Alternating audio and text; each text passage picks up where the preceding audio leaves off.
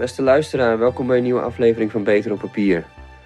De podcast die een samenwerking is tussen het Blad van de Hans Hogeschool, Hansemag, en het online magazine voor de creatieve ondernemer, Dat Mag. Deze aflevering heb ik een uh, hele toffe gast op bezoek. Iemand die me door heel veel mensen is aangeraden om uit te nodigen.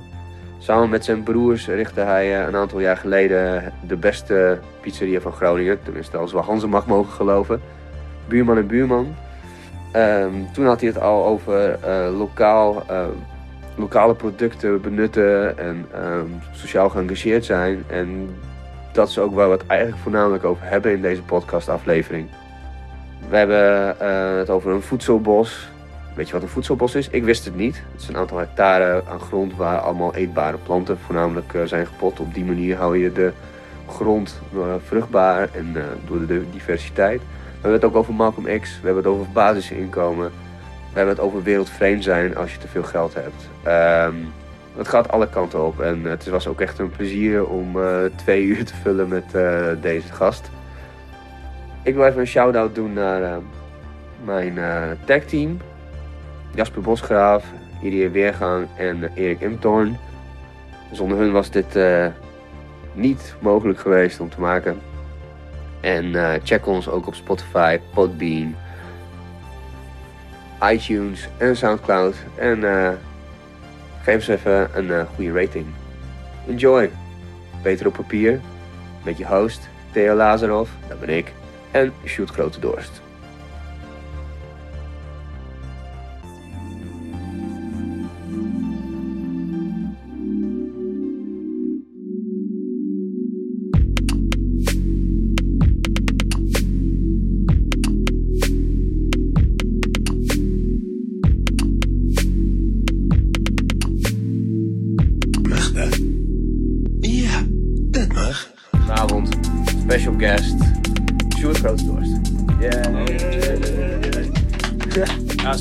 Me uitgenodigd hebt, man. Ja. Ja. ja. ik vond het wel tof. Want uh, ja.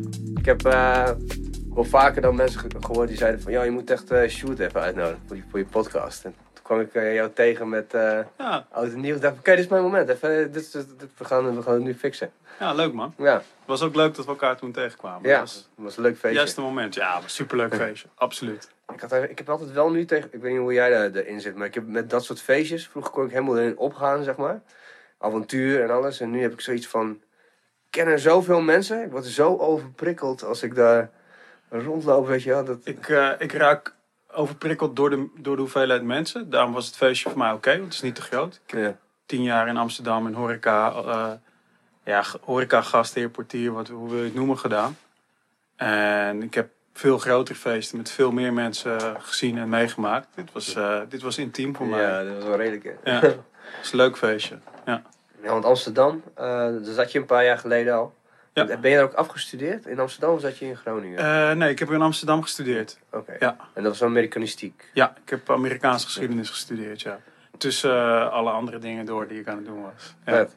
ja. want wat, wat, wat, trok jou daar precies? Naar Amsterdam? Ja. Ik ben in 2000 naar Amsterdam gegaan en toen was er een hoop in beweging in de wereld. Je had in Seattle net de World Trade Organization was daar bij elkaar gekomen. Er waren grote rellen geweest. en 7, dat was in 99 en 97 bij de Eurotop in Amsterdam waren veel activisten. En er was een, wereldwijd verbond van vakbonden, klimaatactivisten, anarchisten, socialisten. gewoon gewone mensen die zeiden ja, zoals het nu gaat met het consumptiesamenleving en kapitalisme, dat kan niet goed blijven gaan. En ja, ik voelde dat ook. En ik wou naar een grotere stad en daarbij betrokken zijn. En me mee bezighouden ook. Met direct action uh, activisme. Wauw, echt hands-on gewoon. Ja, man. Hands-on combat. ja, nou ja, combat, ja. Er zijn, er zijn zeker wel confrontaties geweest door de jaren heen. Uh, maar ja, ik geloof, dat, ik geloof in een, in een just society, in een rechtvaardige samenleving. En dat is het niet altijd, maar ik geloof wel dat je daar je voor in moet zetten. En Met woord en met daad. En dat ben ik in de praktijk gaan brengen toen. Dat ben ik gaan doen. Want je zat toen bij de, bij de krakersbeweging? Nou, de kraak, kraak, kraakbeweging was er niet echt meer. Dat is meer de jaren tachtig. Er werd nog zeker gekraakt in Amsterdam en in heel Nederland. Eh, maar het was niet meer wat het daar 20 jaar daarvoor was, of 15 jaar of 10 jaar daarvoor. Eh, het wa- was een kleine groep gedreven mensen. Ja, wat is klein? Voor een stad als Amsterdam waren het honderden mensen die dat nog deden. Ehm, ja, en als je dan in zo'n stad rondloopt, het is de laatste maanden ook weer heel erg in het nieuws. De speculatie in een stad als Amsterdam, in grote steden, pandjesbazen, eh, die man van de koninklijke familie, die Bernard, die ook tientallen, zo niet honderden panden heeft en daar verschrikkelijk veel geld mee verdient. Ja. En daardoor wordt de prijs opgedreven. Maar ja, als je door zo'n stad rondliep, nu nog steeds, maar toen ook, je ziet overal dingen leeg staan. Terwijl een gemiddelde Amsterdammer, gemiddeld iemand die daar wil wonen, die moest 12 jaar op de wachtlijst staan voor een woning. Shit, voor sociale huurwoningen. Dat, Ja. ja. Eh, ja, of je moest de vrije sector in, maar waar je dan de betaal je kapitaal. En dat is voor niet iedereen eh, te betalen. Ja. Ehm, en dat, dat is omdat er gewoon handel gedreven wordt met, met, een, met een, eh, een goed wat iedereen nodig heeft, namelijk een dak boven je hoofd. Ja, En en dan dan heb je ook echt een stad te pakken met Amsterdam. ja, ja, ik heb echt waanzinnige dingen zien. Huiseigen, want eh, mensen die. eh, kraken ligt heel gevoelig, want het botst met het eigendomsrecht, omdat mensen zoiets hebben van ja, maar dat is van iemand. Die heeft dat gekocht, dat is van iemand. Mhm. Eh, en in principe zal ik dat niet betwisten. Ehm, kijk, als het om een auto gaat, als jij je auto voor je huis wil laten staan en wil laten verroesten en niks mee wil doen, ja, zonde. Maar hier gaat het over huizen en er wordt bewust met de markt gespeeld om de prijs op te drijven. Want er is vraag. Mensen moeten een dak boven hun hoofd. Je Ja. moet niet in de auto, maar je moet een dak boven je hoofd. Weet je, wonen onder een viaduct, het is echt geen pretje. Nee, dat zou, nee, dat zou wel niet. Nee. Nee, of in een tentje, wat dan ook, in Mm. dit klimaat. Het is, dat is niet te doen. Dus je hebt een dak boven je hoofd nodig. En de manier waarop daarmee gehandeld wordt nog steeds, ja, dat is, dat, dat is niet oké. En dat creëert schaarste, waardoor de prijzen omhoog gaan. Ja, en er is een kleine groep die vaart daar wel bij. En de rest heeft het nakijken. Wauw, maar dan, hoe gaat het dan? Hoe oud was je toen je er naartoe ging? Ik was, eh, ik was bijna 21. Oké, dan ben je dus echt een jong broekie die eraan komt. Ja. ja. Ja, toen, toen dacht ik dat ik een hele hoop wist, maar ik was nog een jong broek, zeker ja. Wat heb je dan, wat, hoe, hoe gaat het dan? dan eh, hoe ben je daar in, in, in want je, was je al van plan om een soort van activist... Ja, ik, was, ik, ging, ik ging naar Amsterdam om te gaan kraken en actie te voeren. Ja, Cool. dat wist ik. En wat, Ja. was, eh, wat was je visie versus de werkelijkheid? Ehm, ik had geen idee wat, ik, wat me te wachten stond. Ik had in Amsterdam, toen ik daar in de zomer was, wat kraakpanden gezien. En ik, ja, ik voelde wel direct een connectie met eh, de gedrevenheid die dat uitstraalde. Eh, en ja, je had binnen Amsterdam nog verschillende bestaande structuren die over waren uit de jaren 70, 80, 90. Dus bijvoorbeeld kraakspreekuren. Mensen met de kennis eh, en de ervaring eh, die weten wat, wanneer je iets kan kraken, wanneer niet. Kraakspreekuren, wauw. ja, een, kraaks, een kraakspreker, ja. En die, die, hebben, die, houden, die hebben een leegstandsding ook. Dus houden een beetje bij. Mensen komen van, nou, ik heb dat daar leeg gezien, ik heb dat daar leeg gezien. Nou, dat wordt bijgehouden. En dan ook van, deze personen zijn er mee bezig. Nou ja, en als die er dan niks mee doen, maar een, drie maanden later komt er ook iemand die het leeg ziet. Nou, dan weet je van, oké, dat huis, daar is misschien echt iets mee. Je had het, eh, het SPOK, het, speculatie, het speculantenonderzoekscollectief. Die hielden bij eh, wat voor huiseigenaren eh, geneigd waren geweld te gebruiken, knokploegen te sturen. eh, of wat voor huiseigenaar. En dat ging, dat ging dan niet alleen om krakers, maar ook om huurders. Zo. Je hebt gewoon huiseigenaren, die mensen die gewoon aan het huren zijn. Met geweld bedreigen, geweld toepassen, eh, huizen laten verkrotten, niet onderhouden. Het gekste wat ik gezien heb, eh, want dat, met het eigendomsrecht, hè, het is van jou. Nou, kijk, die auto, als jij je auto wil laten verrotten, prima. Maar ik heb dus panden gezien, monumentale panden. De gevels waren monumentaal, dus de gevel, daar kon die eigenaar niks mee doen.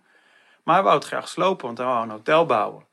En die had de daken eraf gesloopt en de achtergevels en alle verdiepingen. Dus er stonden nog twee gevels.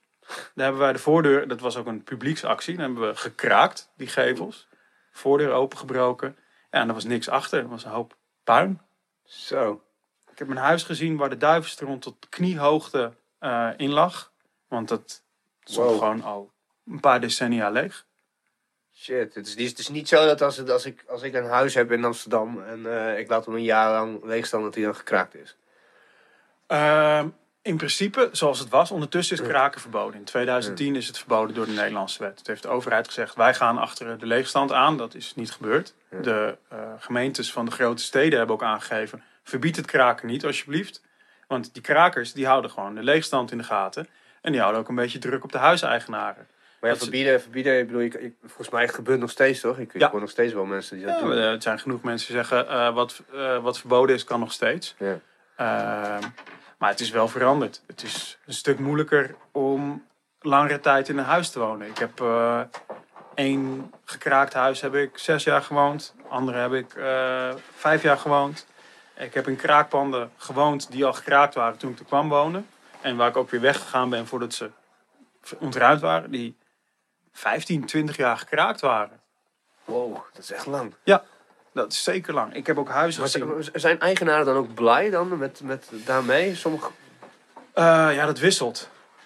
Uh, je hebt uh, eigenaren die zich realiseren van ja, oké, okay, het schiet niet op. Ik heb, ik heb ook van eigenaren die... Het komt voor dat de eigenaren een akkoord gaan en een huurcontract aanbieden. En dat je huurder wordt. Oh ja. Dat is de ideale situatie. Maar ik heb ook wel meegemaakt met eigenaren die zeggen van... Nou ja, oké okay, jongens, kan gaan procederen. Je moet jullie advocaat, moet ik advocaat kunnen we niet afspreken dat op het moment dat ik alles rond heb, dat ik mijn bouwaanvragen goedgekeurd heb, ik heb mijn aannemer enzovoort, dat jullie dan weggaan? Ja, en dat, dat soort afspraken worden, de, worden wel eens gemaakt. Nu meer dan vroeger, nu het verboden is. Ja, als je dan toch een tijd kan wonen, dat is heel fijn. Ja. Uh, de heel principiële mensen roepen dan dat mag niet onderhandelen met de eigenaar. Maar die zijn voor mijn gevoel soms een beetje uit het oog verloren dat het uiteindelijk gaat om een dak boven je hoofd. Ja, want, want ik, ik, ik als Bulgaar zijnde vind het heel vreemd, zeg maar, dat je, uh, dat, je dat mag doen, zeg maar. Want dat, toen, wij hebben het wel eens over gehad toen we net in, uh, in Nederland kwamen wonen. Dat is, oh ja, krakers. En wat is dat dan? Nou, dan gaan ze een huis bezetten. En zeggen van, oh ja, maar in Bulgarije doen alleen zigeuners dat. En die worden eruit geschoten, weet je wel. Ja. dus dat is echt zo, zo van... Ik denk dat Nederland er vrij uniek in is, toch? Met dat kraken, of niet? Nee, je hebt, uh, in Groot-Brittannië had je kraakbeweging. In Duitsland had je een enorm grote, sterke kraakbeweging. In Spanje uh, wordt nog steeds gekraakt. Uh, in Duitsland is het verboden in de loop van de jaren negentig. er is over de hele wereld gekraakt. wordt nog steeds gekraakt. het zijn vaak de allerarmsten. in, in, kijk, in, in Nederland is kraken op een gegeven moment ook... zijn middenklasse kinderen dat gaan doen. Ja, een beetje hip is dat geworden. Ja. Nou ja, hip. Een stukje overtuiging ook. Uh, het is een, een, idealistische groep mensen uh, die, bezig, die nadenkt over een, een andere manier van de samenleving inrichten. Ehm, wat minder bezig met, met be, bezit vergaren, meer met recyclen. al mijn huisraad kwam van straat. De bankstellen stonden op de stoep, de koelkasten stonden op de stoep. Ik kon alles op straat vinden. Ik heb, mijn, mijn bed heb ik gebouwd van 4 euro pallets en balken die ik op straat gevonden heb. Dat bed heb ik nog steeds. Je zou eigenlijk die, uh, de gast die deze lamp heeft gemaakt een keertje moeten spreken. Dat echt upcycling. Ja. Maar dat is, dat is upcycling. ja. ja. Uh, dus ja, het is, het is een andere, andere visie op uh, hoe, hoe je het leven in kan richten. Ehm, ja, en wat dat betreft, eh, ik heb discussies gehad met mensen hè, die zeiden van, nou ja, maar je moet gewoon gaan werken. Nou, de meeste krakers werkten. We kraakten op zondagen, omdat mensen dan vrij hadden. maandag, maan, ja, maandag tot en met vrijdag waren de meeste mensen aan het werk. Gewoon een baan. Ik heb gewoon echt bij, bij krakers, ik, ik bedoel, ik ken wel wat krakers, vrienden van mij zijn ook, uh, ik heb in kraakpanden gewoond. Maar mijn beeld is altijd zo geweest van, of je hebt inderdaad de studentjes die een soort van, voor de hipheid dat doen. En dan heb je in hetzelfde gebouw echt een, een paar ras-echten die het echt gekraakt hebben, zeg maar, met hun honden en hun bakbrommers en hun nou, die, die, en die trekken dan nachten door in de bouw. En uh, die, die, zitten alleen maar zichzelf vol te proppen met pep. En dan zo alleen maar gewoon niet eens echt feest of zo. Het is gewoon keihard werken de hele tijd. Dan ja. is het door. Klopt dat een beetje, dat beeld? Of? Um, nou ja, binnen, binnen de kraakwereld heb je verschillende sientjes. Uh, net zoals in de gewone samenleving uh, je in een, in een flatgebouw met huurders je mensen zal vinden die student zijn. mensen die in de IT werken. Mensen die hele weekenden doorhalen op de pep en hard feesten. Mensen die stijgerbouwer zijn, whatever. Dat, ja. dat is gemeleerd, net als overal. Ehm, ja, en ook binnen de krakers had je mensen die idealistisch waren en mensen die gewoon Wat een dak je, boven hun hoofd hebben houden. wat noem je idealistisch dan? Wat is dan een ideaal uit de krakers? Nou ja, ehm, als je over de wereld na begint te denken. En nou ja, je hebt de, de beroemde scène uit de Matrix van eh, neem je de red pill of neem je de blue pill. Ja. Ja, als je eenmaal wakker bent en dingen begint te doorzien en vragen begint te stellen, dan zijn heel veel dingen die wij normaal vinden eigenlijk niet normaal. Ik heb een discussie gehad met iemand die zei, ja, je moet gewoon werken 40 uur in de week, dat is normaal. Ik zei, maar meneer, dat is alleen maar normaal omdat het een compromis is. Er was ooit een tijd dat 80 uur in de week werken normaal was en je nam je kinderen mee. Ja. Die stonden met jou in de fabriek. Dat is niet eens zo heel lang geleden. Nee, dat is niet eens zo heel lang geleden. Het, was, het is niet eens zo heel lang geleden in Nederland dat je eh, alleen mocht stemmen als je een bepaalde hoeveelheid belasting betaalde. Dat is 100 jaar geleden. Al Of een piemel had. ja. ja, je Ja. moest een bepaalde hoeveelheid belasting betalen en een piemel hebben. Ja. En 100 jaar geleden is de Algemene Kieswet aangenomen dat vrouwen in, in, tweede, of in 1918 Dat was Mochten alle jaar, mannen ja. stemmen? en in 1919 mochten vrouwen ook stemmen. Dat is niet lang geleden. Gewoon één mensenleven is dat eigenlijk. Mm, Een, een, een, Het is drie generaties. ja. Is het generatie 30 jaar? Ja, generatie ongeveer 30 jaar. Hoe ik het begrepen heb hoor. Ik ben ook geen autoriteit. Ehm, maar ja, wat, wat normaal is, dat, dat zijn eh, eh, dingen die ontstaan zijn tussen mensen onderling. En veel mensen ervaren dat als een steen gegrift, maar dat hoeft helemaal niet zo te zijn. Nee, Weet je, nu, nu is iedereen eh, aan het twee verdienen. En dat nu is kan je. echt niet zo. Nee. Nee, vroeger kon je op één inkomen kon je een gezin onderhouden. Nu heb je twee inkomens nodig om een gezin te onderhouden. Ja. ja, dat klopt. Ik, ja, ook maar als je kijkt naar wat, wat bijvoorbeeld over eh, wat we, wat, hoe we voeding benaderen of zo. Weet je wel? Zo van, wij, wij eten, of, of de normale standaard dieet is iets wat, wat een normaal dieet was toen we op het land aan het werken waren. En iedereen Niet dat- eens. Niet eens. Eh, in tijden van bevolkingsgroei eh, in de geschiedenis, op het moment dat de bevolkingsgroei toenam en de druk op de hoeveelheid beschikbare grond, eh, werd grasland omgezet in landbouwgrond. Dan ging men mi- minder koeien houden. Ja. Meer brood, meer uh, tarwe, ja, dat soort Me- dingen. meer, meer peulvruchten, meer groentes.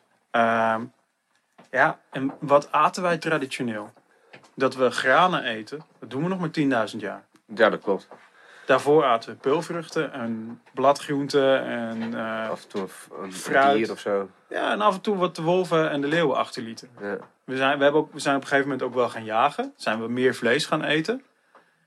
Maar ja, het, het idee dat zoals vlees in onze huidige samenleving, en het is nu aan het veranderen, maar zeg 20 jaar geleden hoe vlees erbij hoorde.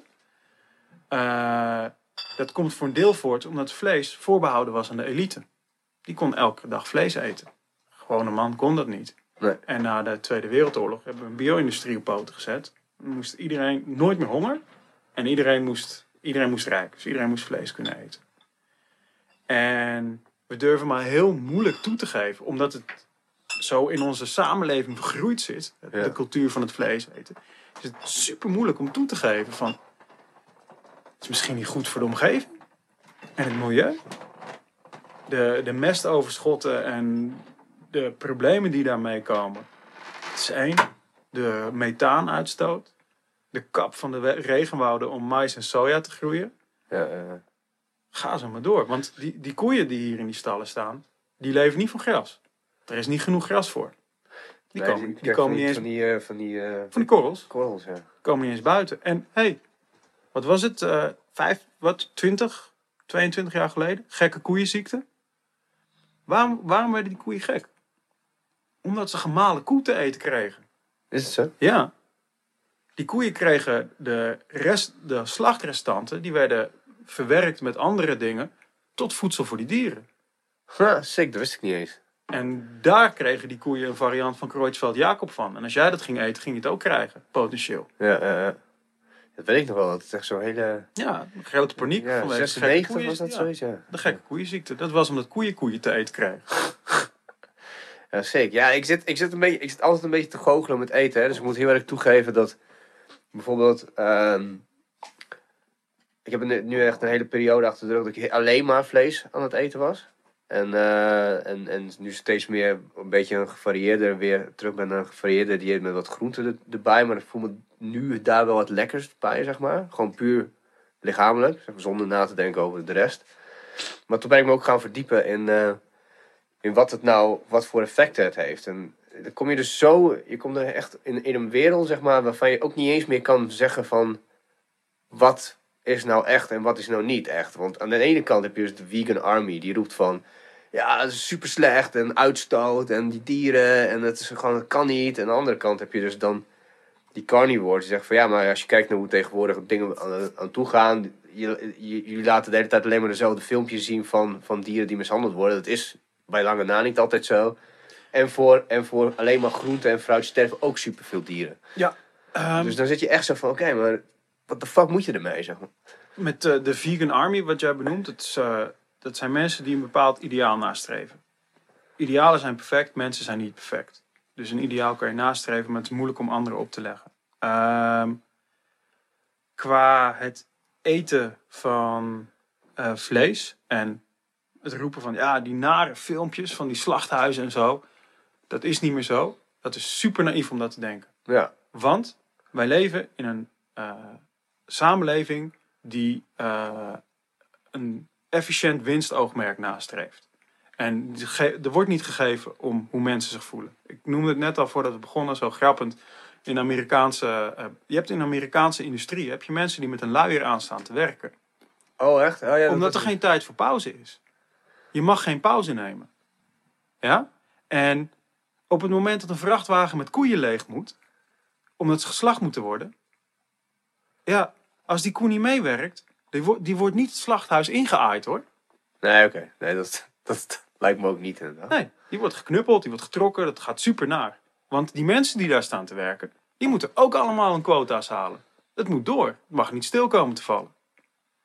Dus, en dat hebben we ook in onze samenleving, zeg maar, alle narigheid, zeker in de westerse wereld, hebben we geëxporteerd. Zeg maar, de, de, de, de kolenmijnen die zijn allemaal gesloten. Dat doen andere mensen. Ja, ja, ja. Ons afval gaat naar Afrika, gaat naar India. Daar worden rivieren en plekken vergiftigd. Het rottige werk, de naaiateliers, zijn in Bangladesh. Ja? Indonesië. Kijk waar je kleding gemaakt wordt. Ja, we zien, we zien het niet, dus het gebeurt Nee. goed. Ja, precies. Dus wat ik, wat ik niet zie, bestaat niet. Ja, en dat, het, is, het is te ver van mijn bedshow. En dat is ook waarom het werkt. Omdat het ver weg is. En het is te groot. Het is te massaal. Er zijn bijna 7 miljard mensen op deze planeet. Is niet te bevatten. Nee, joh, maar het is, ik, ik heb dat steeds, steeds meer dat je dan gewoon naar de lucht kijkt. Ik had het met laatst met iemand over. Met eh, een vriend van mij, die, die zit heel veel in eh, Zuid-Afrika voor werk. En we zaten gewoon naar de lucht te kijken. Het was super mooi. En ik zei tegen hem, weet je dat toen ik in China was, dan rook het gewoon anders. Ja. En dan zag de lucht er ook anders uit. En dat is gewoon zo bizar dat je, het is toch dezelfde lucht? Nee, het is gewoon compleet anders, weet je. Dus je weet ook niet, eigenlijk ben je super naïef van... De ouder ik word, de meer ik erachter kom dat ik vrij naïef ben in mijn, in mijn denken. is niet erg of zo, maar het is wel een besef. Zo van, ah ja, nee.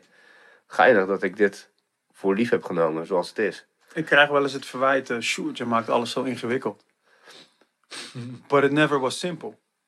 En het is een hele grote, ingewikkelde wereld. En als je dingen echt wil begrijpen en het hele plaatje wil zien, ja, dan wordt het wel ingewikkeld. En ja, mensen zijn in staat om zich af te sluiten voor dingen. Ik doe dat ook. Soms bewust, soms onbewust, maar dat doe je. Anders kan je niet overleven in de, in de getikte wereld.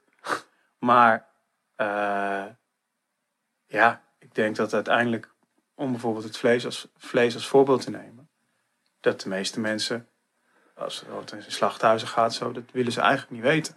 Nee. Dat, dat, is, dat is echt lijden wat op jouw bord ligt. Als je alleen naar de dieren kijkt. Om, om melk te produceren en om biefstuk te produceren. Een koe moet zwanger om melk te geven. Kalf wordt geboren, wordt weggehaald. Ik heb het gezien gebeuren, man. Ik ben op een boerderij geweest. Vader, vriend ik, ja, ik, ik, ik weet dat dat zo is Die koe ja. vindt dat niet leuk, hè? Nee, natuurlijk niet. Je kind is weg, ja. Ja. En die kan dat niet uitdrukken zoals wij dat uit kunnen drukken. Maar die heeft daar wel een, een vorm van verdriet over. Ja. En dan kan je nog zeggen, ja, fuck die koe, man. Kan, die kan geen volzin formuleren, kan mij dat nou schelen? Maar ja, hoe je met de zwakste in jouw wereld omgaat, dat zegt wat over jou. Ja, en zoals wij met die dieren omgaan. Ja, dan zitten we in het parlement eh, te discussiëren over een, vierkante meter meer voor een varken. Of een speeltje voor een varken. Maar als je er echt serieus over nadenkt en wat wij mee wil doen, dan moet je andere keuzes maken. Maar wat, En- zou, wat zou een goede oplossing zijn volgens jou? Wat denk je in, in een... Gewoon als jij... Stel je mocht een wens doen en dan zou het gebeuren. Zeg maar. Wat, Poeh. Maar dat is. gaan we, hebben we dan allemaal een boerderij of zo? Of? Nee. eh, ja, een wens doen en het zou gebeuren. Daar, moet je, daar zou ik dan heel lang over na moeten denken. Wat, want wat ga je wensen? Want dat gaat ook weer gevolgen hebben. Tuurlijk. Ehm, ja. Kijk, ide- idealiter ehm, gaan mensen eh, bewuster en gezonder eh, leven en eten. Kijk, een van, een van ik zou wensen dat mensen meer in contact met de natuur en zichzelf zouden komen weer. In de steden zijn we zo vervreemd van het leven. Ik ben in Marokko in de woestijn geweest, man. Je kon daar de melkweg zien. Geen lichtvervuiling. Geen, geen Niks. bullshit. Hè? Ik had nog nooit dat van mijn leven gezien. Nog nooit. Kan je nagaan, dat is boven je hoofd elke dag. Dat is prachtig. En je ziet het niet. Hoe, was het, hoe was het daar? Ik ben nog nooit geweest. Wat, wat is dat voor... Ehm, ja, je hebt de, in de stad, wil iedereen een mobieltje. En ja, of overal waar je komt, wil, willen mensen goederen. Iedereen wil sneakers en een mobieltje. Jonge mensen. Want iedereen kan MTV of whatever zien. Maar ehm, ja, in Marokko heb je hebt nog wat traditionele gemeenschappen. Eh, in, de- in het zuiden, in de woestijnen, in de bergen ook wel. Ehm, maar de, de public relations van eh, het, het, het westerse goederenmodel is zo goed. Iedereen wil spullen. Everybody wants it. En het, het, het maffe is, ik was vorig jaar in Suriname. En ik, ik ben dan in zo'n klein dorpje aan de rivier en ik denk, jeetje, wat een rijkdom. Jullie, en de oudere mensen dan, die weten, als ik hier het bos inloop, dan kan ik daar eten halen, kan daar eten halen, daar kan ik dat groeien. In de rivier kan ik vissen, ga zo maar door. En de jonge mensen, die zijn allemaal op een mobiele telefoon bezig. En die willen sneakers. En die willen naar de stad. En dan, ik snap het. Maar tegelijkertijd denk ik, maar hier is de rijkdom. Ja, je raakt vervreemd, zeg maar. Of je Ja. bent al, we zijn al Ja. vervreemd. Dat is ook, dat is ook je, En, en die vervreemding werkt het in hand dat je zo met dieren omgaat. Of dat je zo met andere mensen omgaat. Ja? Dat, dat je het acceptabel vindt dat jouw werknemers in een luier staan te werken en dat ze geen pauze krijgen. ja. ja, dat gaat wel ver hoor. Dat gaat wel echt ver. Dat zou in Nederland, in, nu zoals het nu is, niet, niet, never nooit gebeuren, denk ik. Nou. Ja, daar gaan ze hard. Ehm, er was een tijdje terug eh, een heel uitgebreid artikel over hoe het bij bol.com gaat. Wat? Bol.com? Ja, in de, in de, In de magazijnen of zo? ja, in, bij de orderpickers. Ja, daar is, daar is wei- weinig tijd voor, eh, voor pauzes. Dat gaat aan één stuk door. En eh, daar werken veel Oost-Europeanen. Omdat die het acceptabel vinden om belachelijke uren te draaien. En 300 euro in de week voor een wonen in een staakcaravan met nog drie anderen te betalen. Ja, klopt ja. Dat is Polen en eh Ja. Roemenen, Bulgarije. Ja, en er wordt dan een beetje neerbuigend over gesproken. Ja, die Polen en die Bulgaren. En, Ja. eh, ja, ja, eh, de werk is te min voor ons. Maar dat werk is getikt natuurlijk. Dat, Ja. Die mensen die, die... Alles wordt bijgehouden in, door computers. Je efficiency, hoeveel orders je pikt. Ga zo maar door. Is niet gezond. Komt niet buiten. Je hebt geen tijd om naar buiten te lopen om pauze te nemen. Want het is te groot. Je bent de hele dag binnen. Hoe heet dat artikel? Of, of heb jij... Eh, de- ja, ik weet niet hoe het artikel heet. Volkskrant heeft er twee maanden geleden over Oh, geschreven. Volkskrant. Oké, dan ga ik dat even zoeken als Ja. dat, dat artikeltje bij de podcast schrijf. Ja. Ja, sick. Ja, ik wist En- wel dat er bijvoorbeeld bij kippenslachterijen en zo, dat, dat, bij- dat vooral heel veel Polen daar ook heel, eh, heel erg aan onderdoor gaan. Dat, Ja, en je had eh 10, 15 jaar geleden had je ook artikelen over eh, eh, bij de eh aspergestekers en zo. Boeren die Polen soort van als slaven bijna hadden. Mensen mochten het erf niet af. die moesten daar blijven. Die werden echt allerverschrikkelijkst behandeld. Dan vraag je jou waarom zal het vet bezopen zijn. Nou, het is gewoon fucked up. Fucked Ja. up shit. Ja, je hebt een uitzichtloos bestaan. Dus ja. In Bulgarije, wordt, eh, Bulgarije is nu helemaal aan het slinken. Er waren zelfs van die reclamefilmpjes over dat, eh, nou, dat mensen gewoon in hun land moeten blijven en eh, kinderen moeten krijgen. Dat eigenlijk alle jonge mensen gaan gewoon weg. ja, want uitzichtloos bestaan. Ja, maar ja, dan hoor je dus gewoon politici die dan echt zeggen van ja, al onze kinderen, of niet eens politici, gewoon mensen op straat, worden ze geïnterviewd en dan zeggen ze ja, ja mijn kleinzoon en eh, mijn dochter, allemaal naar, eh, naar Duitsland om borden te wassen. Ja, want daar is, daar is geld te verdienen. Ja, maar dat is geld te verdienen in de ogen van de Bulgaren. Maar als je, daar, als je hier in Nederland borden aan het wassen bent, dan verdien je nog steeds net voldoende om je eigen... Maar dat is de grap. Ja. Wat mensen zien. Ik heb ook wel mensen uit, eh, uit Afrika gesproken, Oost-Europa, you name it. Ze van, ja, je gaat eh, gewoon 1200 euro in de maand verdienen. Wow. 1200 euro? Dat is zoveel eigen valuta. Boem, daar kan ik echt alles mee. Wat, wat kan ik daar hier wel niet verkopen? Ja, maar je bent niet daar. Dat, die 1200 euro ga je in Nederland verdienen. Ja. En dan moet je een Nederlandse verzekering betalen. En een Nederlandse huur. En een Nederlands telefoonabonnement. Het geld is op aan het eind van de maand hoor. Wie, zei- wie was dat nou? Een vriend van mij die, eh, die heeft eh, in Bahrein gewerkt. eh op zo'n baggerschip. Ja, ik weet niet of het eerst voor een baggerschip was, maar of erg. In Bahrein in ieder geval. En daar heb je dus ook van die, volgens mij Pakistaanse mensen. En die zijn alleen maar tunnels aan het graven. En buizen aan het leggen. En dat gaat gewoon, die krijgen dan weet ik veel hoeveel dollar per week. En dan gaat sowieso twee derde terug naar Pakistan. En dan van het andere, dat kunnen ze nauwelijks gewoon eten. En dat is echt. En die worden allerbelabberd behandeld. Want die Arabieren kijken heel erg op die mensen neer. Ja. Ja.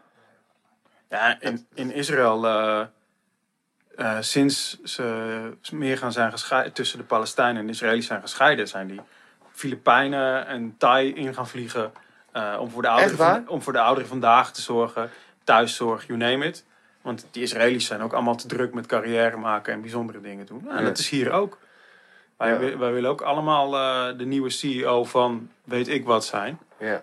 We willen allemaal bijzonder en belangrijk zijn. En we, hebben we hebben geen respect meer voor de gewone mensen ook, hè? Ik bedoel, eh, Wat is een gewone mens dan volgens jou? Wat is dat? ja, die bestaat niet, natuurlijk. Want het is een gemiddelde.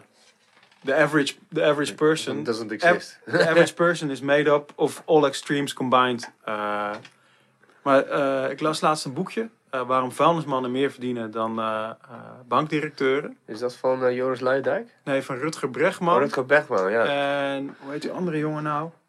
Sorry, ik ben zijn naam kwijt. ja, Slecht- ik weet wel. dat het wel van een correspondent allebei zijn ze Ja. volgens mij. Ja. Maar die, eh, die, het, gaat, het begint over eh, de vuilnismannen in New York. En die mochten eigenlijk niet staken. Maar die hadden op een gegeven moment zoiets van... Ja, nou is het gewoon genoeg geweest. We gaan staken. En na een week staken ging de stad door zijn knieën. De gemeente zei, oké, we gaan op jullie eisen in. Vuilnisman in de VS, dat verdient het goed. Want als het vuilnis niet opgehaald wordt... Maakt het niet uit hoe goed je dokter is, man. Shit is the man, hè? Ieder- als iedereen cholera krijgt, dan kan je nog zo'n goede huisarts hebben en nog zo'n goed ziekenhuis. Maakt niet meer uit. En die, die man die het vuilnis ophaalt, die dat vieze werk doet, die is essentieel. Ja. En die zakenman die in zijn auto met chauffeur over de snelweg race. Hé hey man, die wegenbouwers. Hè? Dat ongeschoolde werk. Of, dat- Ja. of die laag opgeleide mensen.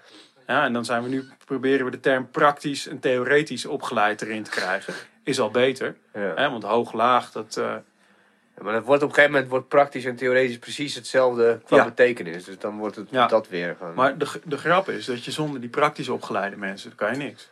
Ja, dat is Amerika toch heel. eh, eh, alles is door de, door de Chinezen, al die spoorwegen zijn door de Chinezen aangelegd. Die zijn, die zijn eh, eind eh 19e eeuw inderdaad voor een groot deel door Chinese arbeiders aangelegd. Ja. Dat je dan naartoe ging, America, Mountain of Gold, maar ondertussen als een dynamiet ergens ontploft is en dat de Chinaman's chance, was het volgens mij de gezegde.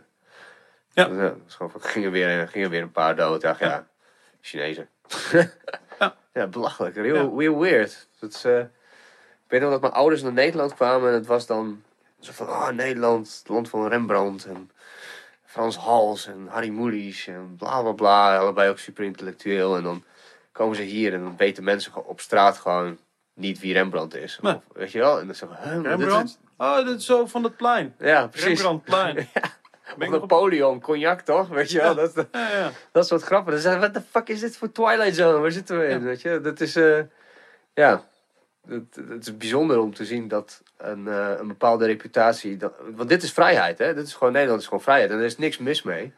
Nee, tot op zekere hoogte is daar. eh, het, het lastige is. eh het is ook de vrijheid om mensen totale bullshit aan te smeren. Ja. En de vrijheid om leugens te verkopen. Ehm, en dat zijn, er zullen- zijn plenty mensen die dat van mijn visie zullen zeggen. Ehm, kijk, waar, waar denk ik het Westen enorm gefaald heeft in de eh, afgelopen honderd jaar. Kijk, op het moment dat Karl Marx zijn Das Kapitaal schreef, toen realiseerde de, de basis zich ook van, oh, wacht even. Als wij niet beter met onze arbeiders om gaan dan gaat wat die Marx zegt, dat gaat, dat gaat uitkomen. Dan gaat er een grote opstand komen. En dan grijpt eh, het proletariaat de macht. Dus we moeten het zo maken, en dat is niet bewust gedaan, maar het is zo gegroeid. Mensen hebben wat te verliezen. Ja? Dus in Nederland, als je nu dan ziet bijvoorbeeld rond het klimaatverhaal, eh, dan wordt er door de partijen wordt er geroepen, ja, nou, we kunnen dat niet bij de burger gaan halen. Als er geen draagvlak is onder de burger, dan kan het niet. Moet, de burger moet meer gaan. Mensen worden bang gemaakt Ja. door het klimaat. En die, die eh, Jess Klaver, die wil jullie portemonnee leegtrekken. En nu wordt er een beetje gezegd, misschien moet het bij bedrijven gaan halen. Maar de grote industrie heeft altijd een free pass gehad. Nederland is een belastingparadijs. Grote bedrijven die betalen een fractie voor hun energie, wat de burger daarvoor betaalt. Grote bedrijven produceren vele malen meer vervuiling dan de gewone burger doet. Grote bedrijven stoppen al jouw eten in plastic. En vervolgens creëer jij een afvalbel. Dus we, we moeten het lef hebben om die bedrijven meer aan te pakken. In plaats van de burger bang te maken. Met van, oh jij, jij, moet, jij gaat in je portemonnee getroffen door die klimaatdoelen. Dat hoeft helemaal niet. We hebben het de ik zei het nog voordat we begonnen ook, want ik heb ook daar een beetje een probleem mee met het, met het klimaatdoelen. Want ik heb dus. Oké, ik ging er automatisch vanuit van broeikaseffect, al die eh, gewoon ah, ah, CO2-uitstoot, dat is gewoon allemaal ons te danken. Dat is, dat, dat is zo. En dan heb ik nu gewoon een paar vrienden die dan heel kritisch daarnaar kijken en die zeggen van ja, maar wacht even, dit is, dit is gewoon propaganda. Want eh, halverwege de jaren tachtig, wat logisch, logischerwijs ook al die, die eh, warming-up bezig zou moeten zijn. Want we zijn al een, een, een eeuw bezig met industrie en whatever. Toen ging de temperatuur naar beneden. Staat er bijvoorbeeld bij de New York, New York Times eh, stond het eh, heel groot van oh, we koelen af, bla bla bla. Maar dat was niet interessant. In één keer ging het omhoog, omdat het gewoon op een natuurlijke wijze gaat. En Ik dan- vind, ik vind het altijd heel mooi. Eh, ik ben geen klimaatwetenschapper. Ja. Ik, heb daar, ik heb dat niet gestudeerd. Die vrienden van jou ook niet. Nee, Ja? nee dat klopt. En wat ik wel weet, en wat ik zie, is dat alle serieuze onderzoekers, ja, die, en wat ik zei, in 2000 ging ik me daar met dat soort dingen bezighouden. Die waren allemaal, probeerden ze, want 2008 was de tipping point, hè. Voor 2008 hadden we het klimaatverandering nog tegen kunnen houden. Al die serieuze klimaatwetenschappers, die zijn niet meer bezig om te zeggen van, we moeten het stoppen. Die zijn nu alleen nog maar bezig om te zeggen, jongens, hoe gaan we zorgen dat het niet meer dan eh, anderhalve graad wordt? In 2008 hadden we de opwarming nog tegen kunnen houden. Ja? Alle serieuze klimaatwetenschappers, die, zijn niet meer bezig om te zeggen van, we moeten het tegenhouden. Die zijn nu alleen nog maar bezig met, oké, hoe gaan we de gevolgen een beetje in de hand houden? Want shit is real, man. Is het, 9, 90% of zoiets van, van de lui die daarmee bezig zijn. En die ook daadwerkelijk onderzoek in de field doen. Ja, die, die- niet, niet de mensen die een onderzoek gaan lezen en daar kritiek op gaan hebben. Nee, echt mensen die in de field onderzoek doen. Die, zijn, die doen allemaal ap- apocalyptische waarschuwingen. En dan komen er eh, economen en IT'ers en jij en ik. En die vinden er ook wat van. ja, dat is, dat is wel absoluut waar natuurlijk. Ja, en die lezen wat artikelen. Ja, en wat er, eh, om het een beetje te begrijpen wat er om ons heen gebeurt. eh, begin jaren negentig ging Shell heel even groen doen. Shell realiseerde, oh damn, er, er, er zijn dingen aan het gebeuren met die fossiele brandstof enzovoort. En die gingen, wat, gingen er wat mee doen. En die zijn teruggefloten door hun aandeelhouders. Die zeiden, ja wacht eens even. Jullie business is gewoon om geld te verdienen met olie en onze zakken te vullen. Dus Shell is daarmee opgehouden. Wat deden ze dan? Wat voor, wat voor dingen deden ze? Ja, ze deden wat, ver- wat, wat vergroeningspropaganda en ze waren wat bezig met duurzaamheid. Eh, en toen, eh, begin jaren negentig, toen het echt duidelijk werd voor de people in the know dat wij wel degelijk invloed op dat klimaat hadden. En zeker dat de petrochemische industrie daar een grote rol in speelde. Dus de olieproducerende of de benzineproducerende industrie.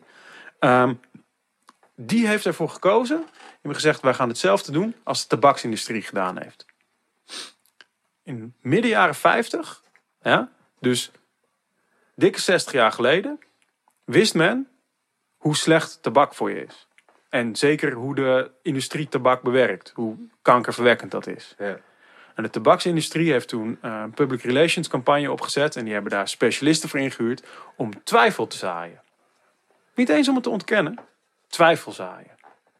We zijn 60 jaar verder en tabak wordt nog steeds verkocht aan, aan kinderen. Ja? Ja. Het is er nog steeds. En er gaan nog steeds mensen dood aan kanker.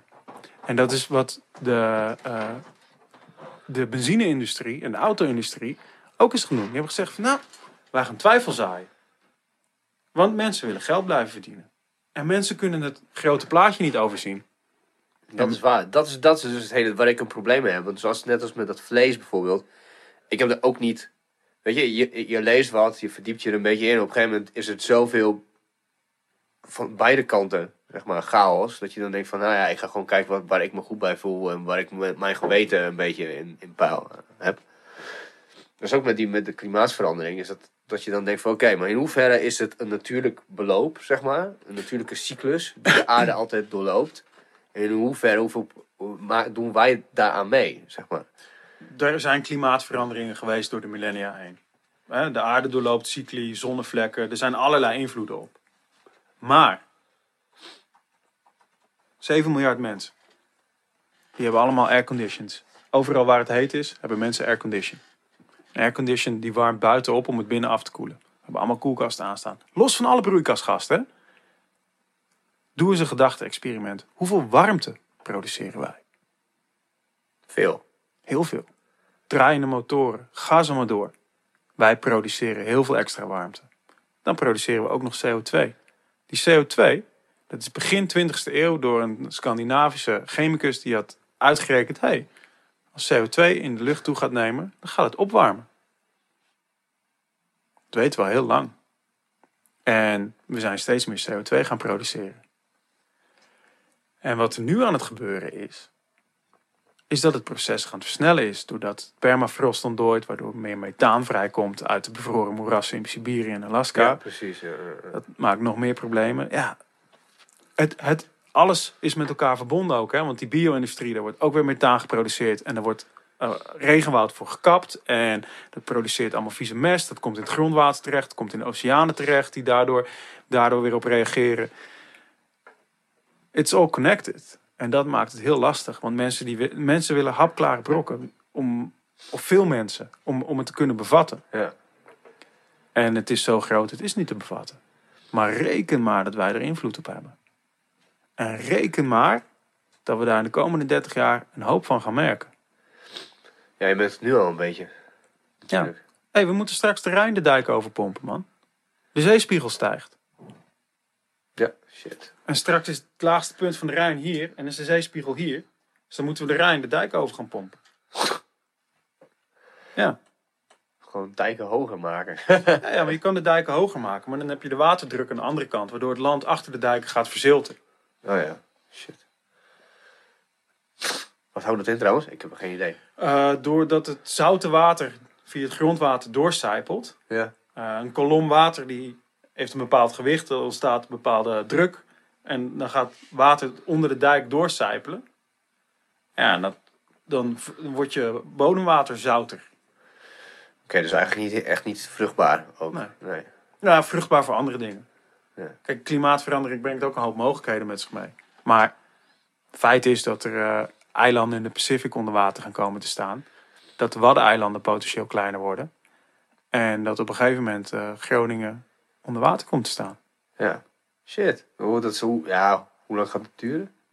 Eh, het zou over 100 jaar kunnen zijn. Maar dat is heel moeilijk in te schatten. Hè? 100 jaar is ook, ook niet zo heel lang. Nee.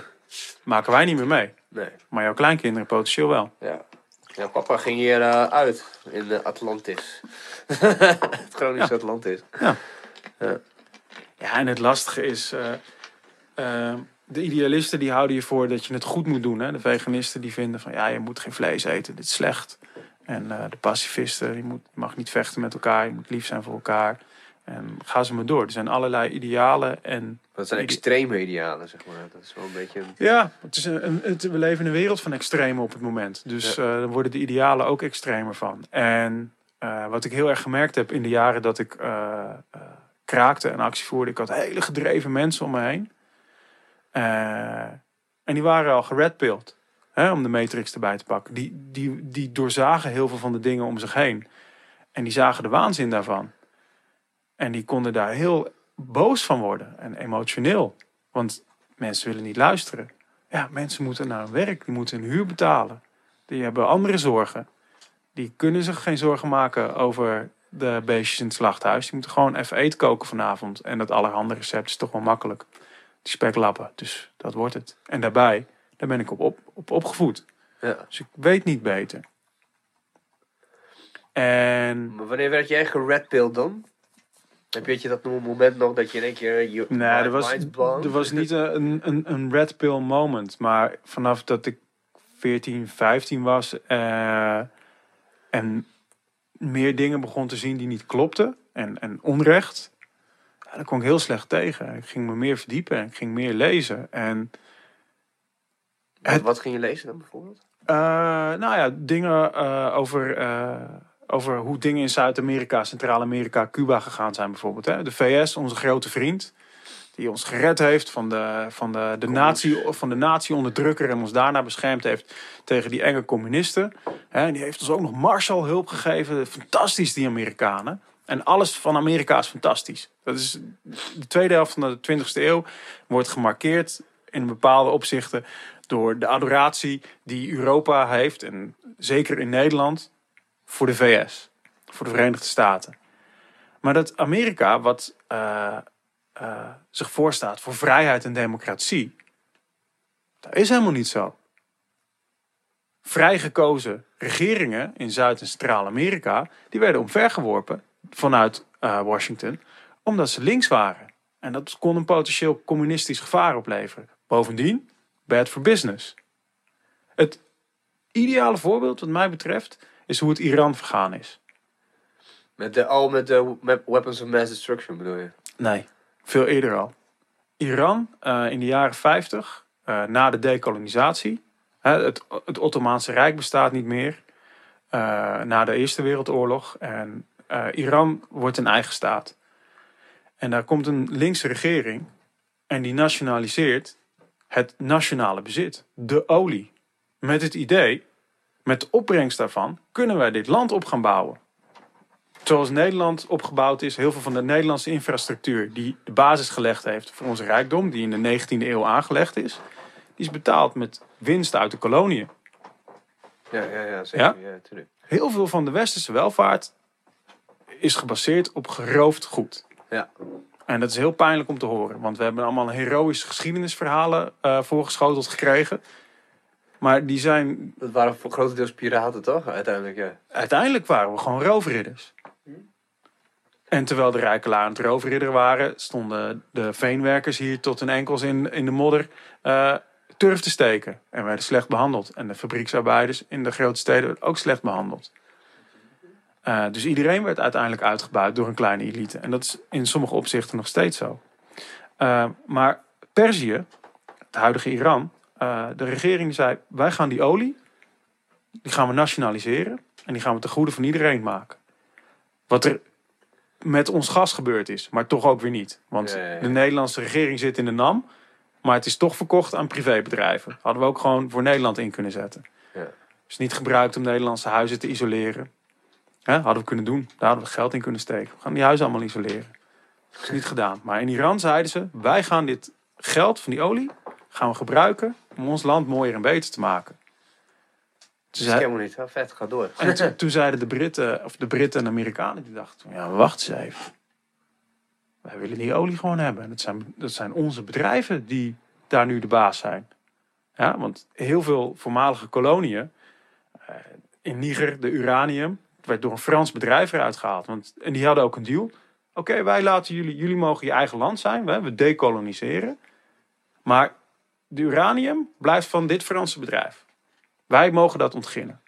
Nou, en in Perzië zeiden ze, die bedrijven die worden van de staat. Dus rijke mensen in de westerse wereld, die gingen hun spullen verliezen. Toen hebben ze een uh, revolutie op touw gezet, waarbij de socialistische regering omvergeworpen werd. En werd Shah Mohammed Reza geïnstalleerd. Die gast met die tulband altijd op de ja, foto? volgens mij wel. Een, een, een, sergeant was dat of zo. Die hebben ze gezegd van, hé, hey, we maken jou de baas. En de CIA heeft zijn geheime dienst geleerd uh, hoe te martelen en hoe informatie uit mensen te krijgen. En hoe al die communisten en anarchisten en socialisten op te sporen. En toen is er uh, twintig jaar lang terreur vanuit Mohammed Reza geweest. En na twintig jaar hadden de mensen zo genoeg van, er kwam weer een opstand. Maar deze opstand kwam vanuit de moskeeën. Dat was de enige plek waar de geheime dienst niet de mensen in de gaten hield. En uh, die werd geleid door de Ayatollahs, de, de geestelijke leiders. En de anarchisten en de communisten en de socialisten deden mee. Want die wouden wel van die kapitalist en fascist Mohammed Reza af. Met zijn Amerikaanse vriendjes. Daarom hebben ze in Iran ook zo'n bloedhekel aan Amerika. Die Amerikanen hielden Reza in het zadel. En Reza maakte die mensen kapot. Na de opstand Mohammed Reza is verdreven. Ja, de, de Shah is verdreven. Rekenen de, uh, de Ayatollahs af met het beetje aan anarchisten en socialisten wat nog over was, wat Reza niet vermoord had. en en roepen, de, roepen Iran uit. Uh, een Shiïtische uh, staat. Een islamitisch-Shiïtische staat. Met een bloedhekel aan Amerika. Want die Amerikanen hadden alle ellende veroorzaakt. Daarom is Iran ook een vijand van het Westen. Terwijl Iran, ik, heb, ik hoor heel veel mensen die tegenwoordig naar Iran gaan, die zeggen dat is echt super chill daar. Het engste islamitische land in het Midden-Oosten is Saoedi-Arabië. Die hebben de strengste islamitische rechtsschool. Ik heb ook islamitisch recht gedaan op, uh, tijdens mijn studie, dus ik weet er een klein beetje van. Ik zit dit niet uit mijn duim te zuigen. Saoedi-Arabië, dat zou onze vijand moeten zijn. Die financieren alle extremistische uh, islamitische scholen, moskeeën, you name it. De kapers van de 9-11 vliegtuigen waren twee derde Saoedi's. Maar Afghanistan werd ingevallen. Want Saoedi-Arabië is een bondgenoot van de Verenigde Staten. Die koopt Amerikaanse wapens en verkoopt olie aan de Amerikanen. En de Amerikanen zorgen voor de middelen om de bevolking eronder te houden. Dat is gewoon Libië was ook toch Amerika, dat ze Gaddafi in de zaal hebben geholpen? Uh, Totdat Gaddafi inderdaad precies hetzelfde ging doen. Eh, Gaddafi die wou volgens mij, uh, die zei, uh, ja, als jullie nog olie willen kopen, moet je met goud betalen. Ja, precies. De, de... Binnen een jaar was hij dood. Ja. een van mijn politieke helden, Malcolm X. Zolang Malcolm X zei, wit en zwart moet gescheiden Ah, dat was wel mooi. Dat vond establishment wel, establishment wel leuk. Dat, dat was een enge man. Daar, daar was de gewone witte burger, die was daar bang voor. Ja? En toen Malcolm X terugkwam uit Mekka en daar gebeden had met witte mensen, bruine mensen, gele mensen, zwarte mensen, had hij zoiets van: wacht eens even. We zijn allemaal hetzelfde. We zijn allemaal hetzelfde. Hij kwam terug, hij gaf een uh, interview. Hij zei: Ik ga met iedereen samenwerken die mij wil helpen om dingen beter te maken voor zwarte mensen in de Verenigde Staten. En het was niet leuk om zwart te zijn in de VS in de jaren 60. Maar nog steeds is nog steeds moeilijk. Ja. Er is niet veel veranderd.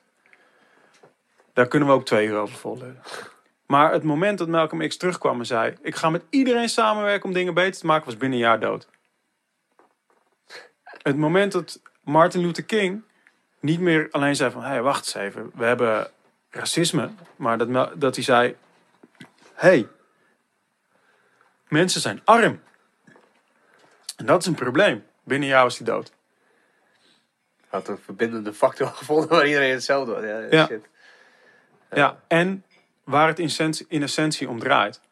Wij worden allemaal tegen elkaar uitgespeeld.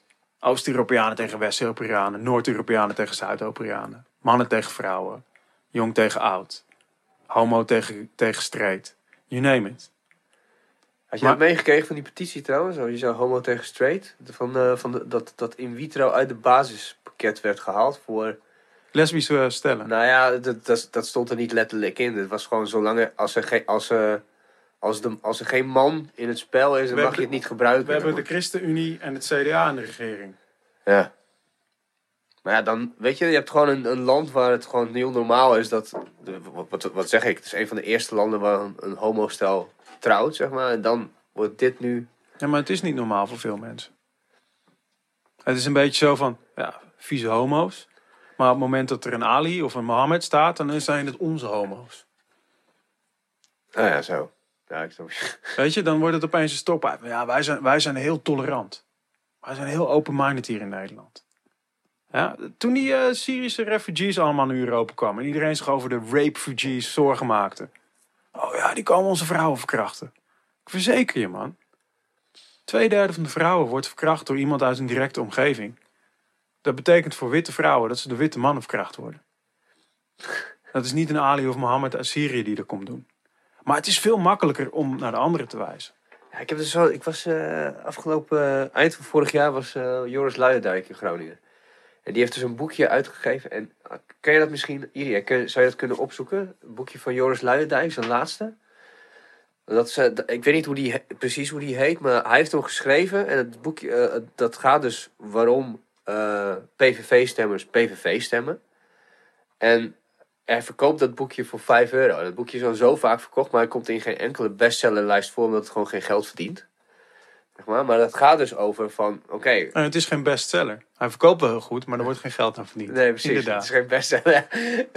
en, het, en hij legde het ook. Hij begon met een filmpje over ehm, dat, eh, eh, nou, dat, je, dat je dus. eh, Geert Wilders zou een intocht hebben in een of ander dorp in Venlo. Er was een vrouw in zo'n scootmobiel. Nou, die, dat, dat droop er vanaf dat ze niet bijster intelligent was. Die praat oh jou en yeah, Geert Wilders gaat ons beschermen tegen de, tegen de buitenlanders. En we willen hier geen AZC. En vroeg die journalist haar van, oké, maar waarom willen jullie geen AZC? Ja, omdat ze, ze, ze, ze mijn, mijn pleegzoon, eh, die eh, zit gewoon thuis, die heeft geen baan, maar die lui, die krijgen gewoon een baan en die krijgen een huis. En eh, weet je, dat, oké. En ze krijgen ook allemaal, krijgen ook allemaal, weet veel, 2000 euro. Of zo, zoiets was het. En, en zo, die journalist, maar hoe, hoe weet u dat? Ja, dat was op het nieuws. Oh, waar was het op het nieuws dan? Ja, op Facebook. En, dan, en daar stopt het filmpje en die hele zaal natuurlijk keihard lachen. En toen, toen zei Joris Luijendijk van ja, dat is dus het probleem. Daarom stemmen PVV-stemmers op de PVV, omdat jullie ze uitlachen als hoger opgeleiden, zeg maar. Ja. Jullie snappen gewoon niet, die vrouw zit in een scootmobiel en heeft een pleegzoon, wat al best wel een heldendaad is. En die maakt zich oprecht ook super zorgen, zeg maar. Nou, ik heb jongens gesproken die eh, dan aan de beurt waren om een woning te krijgen. En dan was er een eh vluchtelinggezin die A-status gekregen had. En die gingen dan voor. Dan ben jij al vijf jaar aan het wachten op je sociale huurwoning. Ja, dan ga je wel een hekel krijgen aan die vluchtelingen. Ja. Maar het, het probleem is, en dat wou ik, wou ik eerder al zeggen, maar we veranderen af en toe van richting.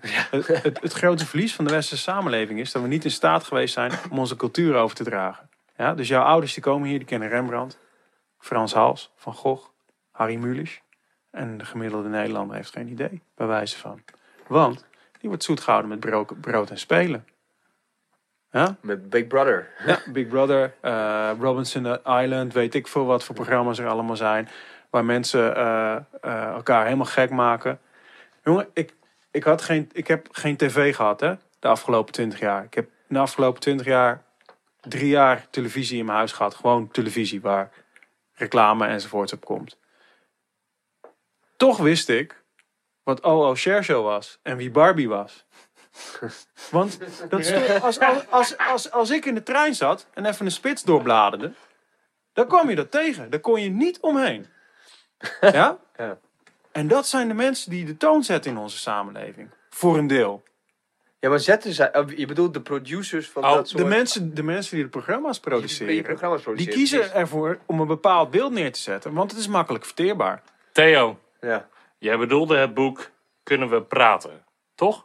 Ja. Is dat, is dat de allerlaatste, is dat, van was vorig eh, jaar? 2017. Ja.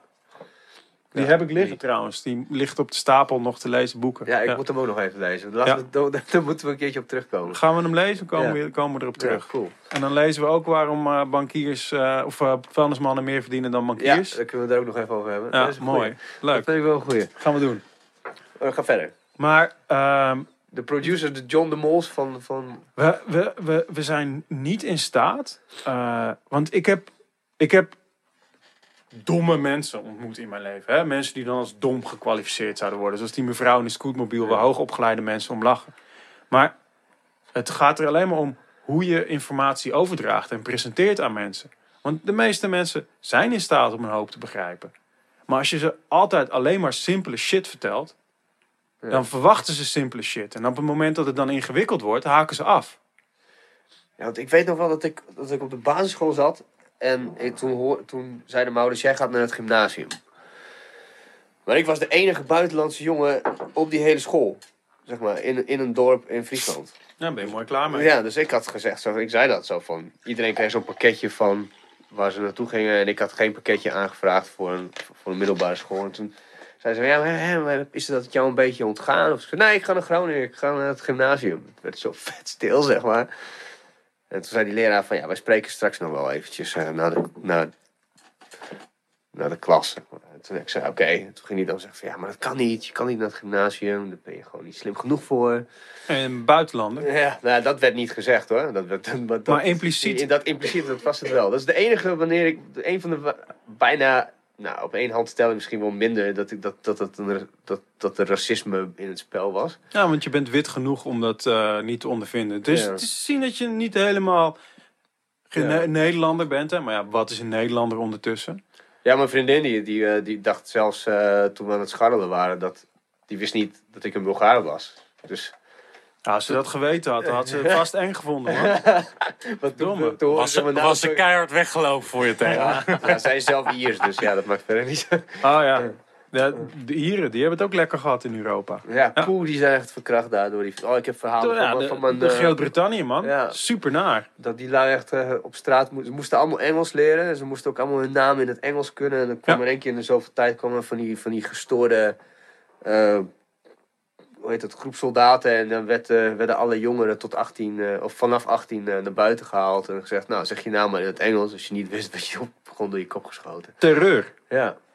terreur en onderdrukking. En in de, tijdens de Ja, potato famine, de, het midden van de 19e eeuw, dus in de 1840s of zoiets, zijn er een, ik geloof een goed miljoen Ieren omgekomen van de honger. Ja. Want er, was, er waren eh, aardappelplagen, da- waardoor alle aardappels stuk gingen. En het was niet zo dat er in Ierland alleen maar aardappel te eten was. was ook natuurlijk van de zee om. Maar al het andere wat ze produceerden, aan groenten, aan fruit, aan vlees, aan zuivel, dat ging allemaal naar Groot-Brittannië. En de aardappels bleven over voor de Ieren. En toen de aardappeloogsten mislukte, was er niks te eten voor de Ieren. Maar er zit wel een kleine kanttekening aan. Want ze zijn toen nooit gaan vissen. Nou, er, werd- er werd al wel gevist. Maar, Maar, niet, maar niet zozeer van, yo, toen, pas later werd er een soort van, wa- kwam er een besef van, oh kut, we hadden ook gewoon kunnen vissen. nou, dat, dat, dat weet ik niet. De Ieren, de Ieren mochten basically alleen de, de aardappels eten. Mochten ook niet naar school volgens mij, tot, Nee. tot, tot 100 jaar geleden. Nee. En dat is, dat is echt... Ja, en eh, dat was hier natuurlijk ook tot, eh, niet tot 100 jaar geleden voorbehouden eh, aan de elite. Het is pas dat de leerplicht komt op het moment dat overheden zich beginnen te realiseren van... hé, hey, wacht eens even. In die scholen kunnen wij bepalen wat mensen verteld wordt. Ja, precies, propaganda voeren. Ja. En om, om terug te komen op de mevrouw in de, in de scootmobiel eh, en het Facebook. We leven ondertussen in een samenleving eh, waar mensen eh, liever geloven wat goed voor ze voelt of wat kloppend voor ze voelt, dan wat waar is. Een vriend van me vertelde ooit eh, van een Amerikaanse politicus die die op tv zag. Dus dit is heel shady, hè? ik heb het niet zelf gezien. A friend of mine once said. Maar het is, het is tekenend. Die, eh, die man die zegt van ja, we've got rising crime rates. Crime rates are rising. We need to crack down on crime. We moeten harder optreden, want eh, dat gaat helemaal niet goed. En een reporter zegt ja, maar de rapporten van de FBI die laten al jaren zien dat de, de misdaadcijfers omlaag gaan. Nou, zegt die man, dat kan niet. Ja, zegt ze, dat is echt zo. I'd rather go with my feelings. dat zegt die politicus. Ja. En dat is de wereld waarin we leven. Je hebt klima- klimaatspecialisten. Ja? Die zeggen, jongens, het gaat niet goed. Dus hun studiegebied. Ja? Ja, en mensen zeggen, ja, I'd rather go with my feelings. Ja. Ja? Jij wil ook niet dat ik jouw computer kom repareren. Oh ja, oh zo. Ja. Ja? ja, precies. Dat je geen reet verstand van hebt, bedoel je? Nee, maar stel, stel dat het je wel een goed gevoel geeft dat, dat ik wat eh, met jouw computer kom doen. Ja. Ja, ja. Wa- waarom de fuck laat je Sjoerd je computer fixen, Theo? En je auto. hij, hij is geen monteur en hij is, hij is geen programmeur. Ja, maar het, het voelt wel goed als hij het doet. Ja, ja oké, ik, snap, ik, snap, ik snap wat je bedoelt. Dat is, eh, wie- iemand, iemand zei laatst als, als voorbeeld van. eh, eh, over, over. Oh nee, het ging over speculeren, dat is heel wat anders. Nee, sorry, mindfart. nee, dat was zeg maar dat je als, als je gaat speculeren, of als je gewoon eh, de, de markt opgaat om, om aandelen te kopen en te verkopen, kans dat je verliest of wint altijd 50-50 een beetje, zeg maar, min of meer. Je kan een winning streak hebben. Maar dat is ook het enige eh, beroep, zeg maar, waar je door niks te weten ook gewoon iets kunt. Ja, dom geluk. Ja, dom geluk. Terwijl als je als chirurg ergens binnenloopt, dan, dan ga je echt never nooit iemand zijn kanker eruit halen. Heb je geen flauw idee wat je aan het doen bent, zeg maar. Nee. Ja. Ja, oké, maar dit was de mindfart. Het heeft niks met dit te maken voor de rest. Ja, maar het is ook leuk. Goeie- Een goede mindfart. Ja, maar ja, dat, dat, dat is het ding. Me- mensen die... eh, people would rather go with their feelings. Ja? Ja, dat, heb je dat gezien? This is America van... eh, eh, die videoclip van... eh, nee, niet Childish Gam- Bam- Bambino, maar... of Gambino, maar hoe heet die? eh, ah, Ali, Ali, Ali G. ja, ik heb er fragmenten van gezien. Isha Cohen. Nou, nou in de context van die Sacha Baron Cohen. Sa- uh, Sasha Hij- Baron Cohen, ja. hij, hij zet mensen op het verkeerde been. En daarmee creëert hij gekke situaties. Maar Maar die shit die hij voor elkaar heeft gekregen. Dat mensen gewoon. Dat ze guns. eh, dat, ze, dat ze zeg maar zeggen dat ze voor zijn. Dat voor wapens, voor kinderen. Zodat die de terroristen eventueel neer kunnen schieten als die Ja, eh, de school binnenkomt en dat zo'n gast zeg maar ook daadwerkelijk zegt van... Oh, is goed, ik wil wel meedoen aan een, aan een eh, educatief filmpje. Fantastisch. Ik Ja. heb dat, dat stukje heb ik gezien. Het leuke daaraan is ook nog eh, dat hij de Israëlische kolonel wel heel goed neerzet. eh, het Ja, stereotype. Moraat. Van, Ja. f- From the Mossad, not from the Mossad. Ja. hij ook zo. En die gaat, oh, oké. Want dat, die, eh, d- dat, je, dat je dan als anti- anti-terroristen ehm, eh, training... dat je gewoon je broek naar beneden moet trekken... en dan met je reet naar die terrorist moet roepen... want die zijn natuurlijk allemaal, allemaal. Dan moet je rennen en dan roepen van... I'm gay, USA! I'm gay, USA! Oh man. Dat, doen, dat doet dus gewoon zo'n zo'n dude, zo'n governor, die doet dat gewoon. En dat is gewoon op tv. Hij zegt van ja, maar ja, nee, ja, nee, ja, god, ja. kut. Hij krijgt hem zover om dat te doen. Ja, ja, ja. Oh, ik, moet het, ik moet het echt maar eens gaan kijken. Ja, Hilarisch. Het is echt sick. Ja. Die Bernie, eh die gast? Eh, Bernie Sanders? Bernie Sanders, die krijgt hij niet zozeer op zijn... oh, Die probeert hij wel dan eh, op te fokken als zo'n eh, oude veteraan in een, in een scootmobiel. Maar die blijft maar, die, die, die blijft Die laat, die laat zich niet uit de kast lokken of Nee. op de kast jagen. Nee, hij zegt ja, jouw feiten kloppen niet. Ja, maar deze feiten. En dan gooit hij zo'n map zo neer met gewoon niks erin, zeg maar. Dat, ja, hij zegt ja, maar dan heb jij gewoon verkeerde feiten. Dat is gewoon niet waar. Maar dat blijft wel gewoon. Maar haak, raakt ook weer aan feit, wat zijn feiten en, en wat zijn gevoelens. Hè? Want ja, wetenschap, heel veel mensen geloven eigenlijk niet meer in wetenschap. er is nu een, een ja, je hebt, ja, Kijk, kijk met de, de anti-vax movement. Ja? Dat we, vroeger, wat is eh, dat? Nou, vroeger had je binnen christelijk, streng christelijke gemeenschappen vaccineerden mensen hun kinderen Oh, antivax, ja, ja, ja. Ja? ja. ja. En ondertussen zijn het hoogopgeleide mensen die dat niet doen. Want ja, er zijn verhalen dat je kind autistisch zou kunnen worden of andere enge dingen. Mensen weten niet meer waarom we vaccineren. Weet je hoeveel kinderen er dood gingen? Aan rode hond of whatever. Wat, Aan de, aan de mazelen, aan de pokken, eh, aan polio. De laatste man in een ijzeren long is eh, vorig jaar of het jaar daarvoor overleden in de VS. Die heeft zijn hele leven in een ademapparaat gelegen. Ja, want polio, je spieren verlammen. Dus ook je longen en je hart bijvoorbeeld. Ja? En doordat we stoppen met vaccineren, of doordat er steeds grotere groep niet gevaccineerd is, krijgen dat soort ziektes weer een kans. En dat gaat op gevoelens. Want het gaat uiteindelijk niet om wetenschappelijke feiten. Het gaat om het gevoel, de angst en de fabeltjes die er verteld worden. Op, Facebook. Ja, ja want dat is het een beetje, dat is het hele punt. Van informatie is nu het meest ja, zo toegankelijk geworden dat het. Ja, je Fil- filter de juiste knop. informatie maar eens van de, van de onwaarheden. Ja, vroeger moest je naar de, of, ja, naar de biep en dan pakte je boeken en ging je dat lezen of artikelen. En dat was dan natuurlijk een hele natuurlijke filter. Want het is natuurlijk al een stap en het moet gepubliceerd zijn. Maar ik heb ook, ik heb ook vrienden die dan bijvoorbeeld dingen doorsturen over eh, mensen die verkracht zijn in, in, in, in Zweden door eh, eh, asielzoekers. Eh, en dan gewoon vrij worden gelaten. En dan als ze vrij worden gelaten, dan spugen ze nog even die ouders in het gezicht of zo. Dat je dan denkt van, oké, is dit real of is dit fake nieuws? En wat is het voor blog waar dit vandaan komt? En als het echt is, hoezo gebeurt dit? En als het fake nieuws is, hoezo eh, geloven we dit dan? Dus je wordt echt helemaal net gek gemaakt. Ja. Dus dat is... Nou ja, we, we geloven het omdat het sensationeel is. Sensatie verkoopt. Als ik het 8 uur journaal vergelijk waar ik mee opgroeide met het 8 uur journaal nu. Is het eh, grote sensatiepartij geworden. Want we moeten kijkers hebben voor het reclameblok ervoor en daarna. Het gaat niet meer om het nieuws. Het gaat om de kijkers. Het product moet verkopen. Eh, ja, en met dit soort, dit soort nieuws. Ja, fa- fake nieuws is business, want het levert kliks op. Dus klik, clickbait. Porno is extremer geworden, YouTube is extremer geworden, omdat extreme dingen levert kliks op. En hoe meer views, Ja, meer money. hoe meer money. Of de scheiding van Wesley, Snijder en Jolante. Oh, Dat was op de NOS. ja, precies. Op de app. En ik, ik, eh, ik belde toevallig die ehm, dag nog mijn ouders. En ik zei toen tegen ze... Dit is nu op de NOS-app. Als jullie straks het 8 uur snel gaan kijken... Heb me even terug of jullie het hebben voorbij zien komen.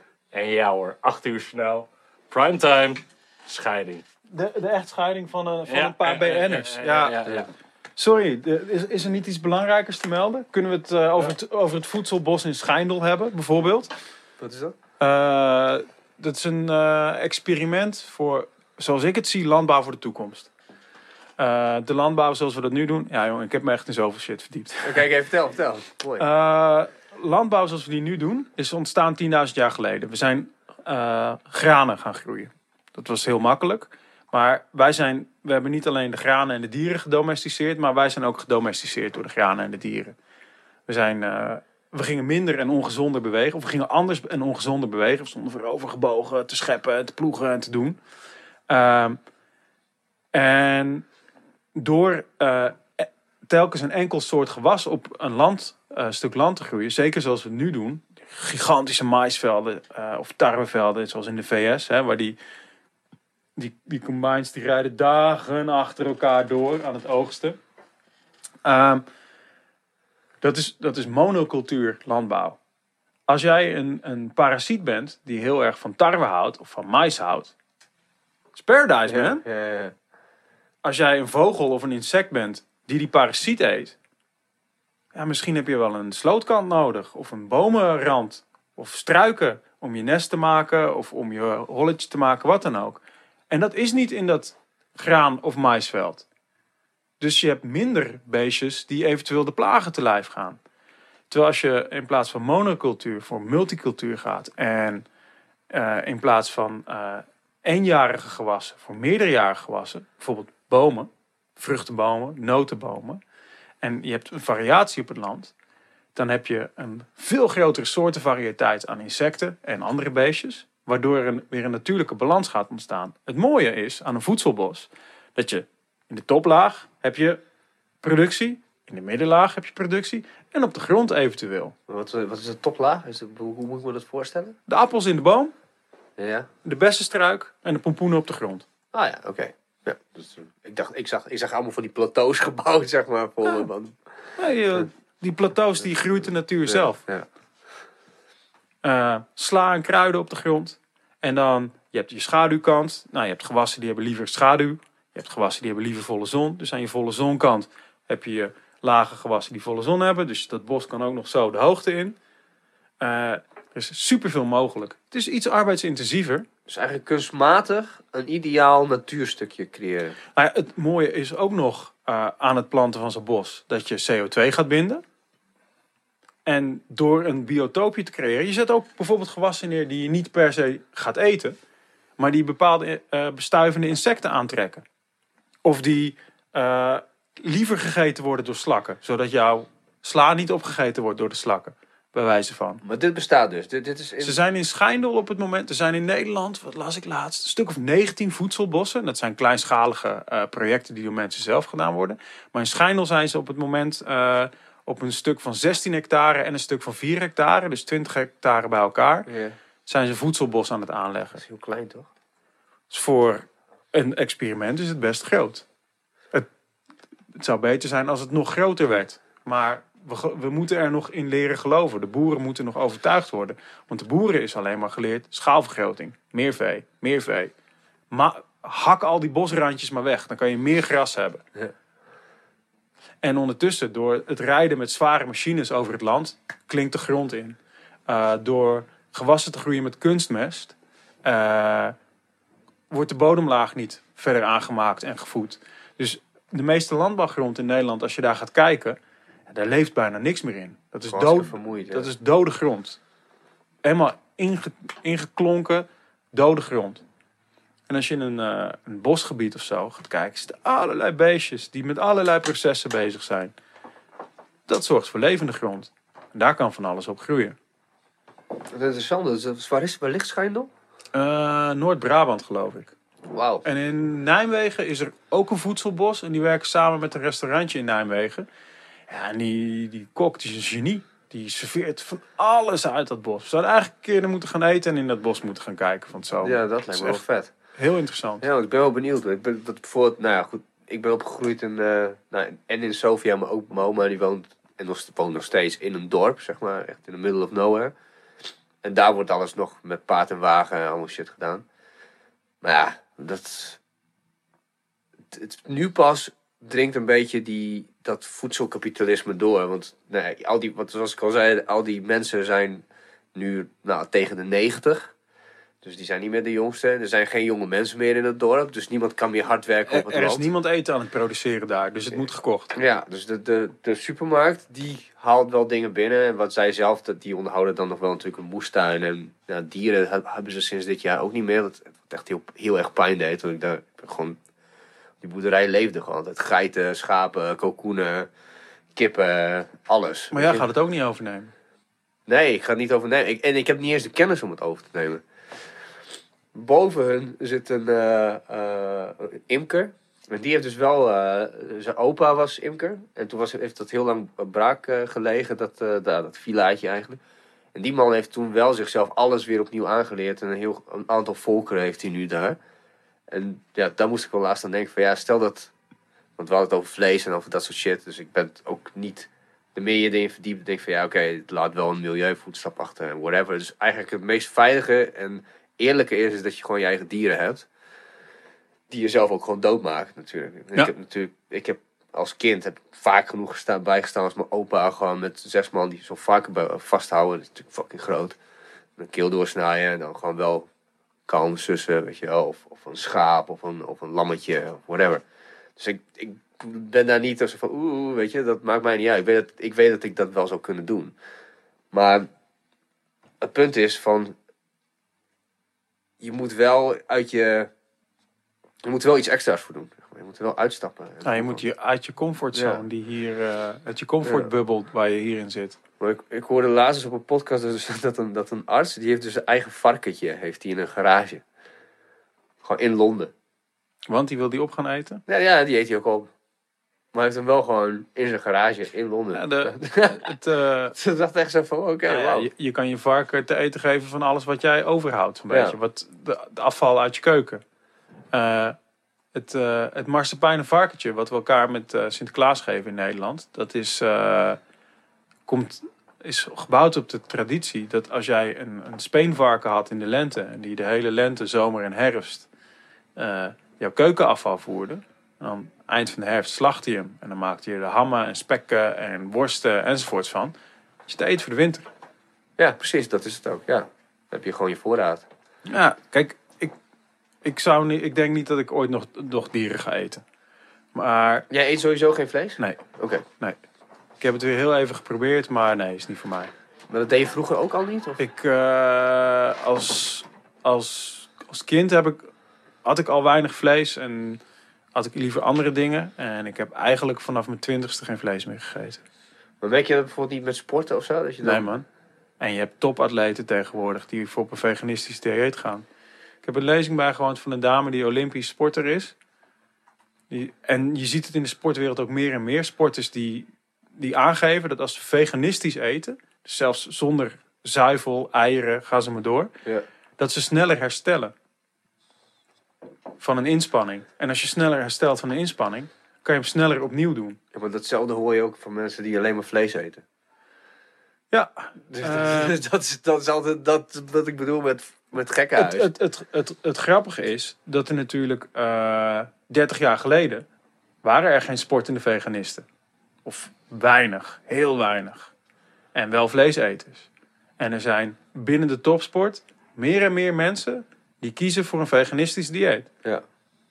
Ja, dan, dat zal wel zijn omdat het resultaat is, geeft. Maar, dat is een gevoel bij mij. Ja.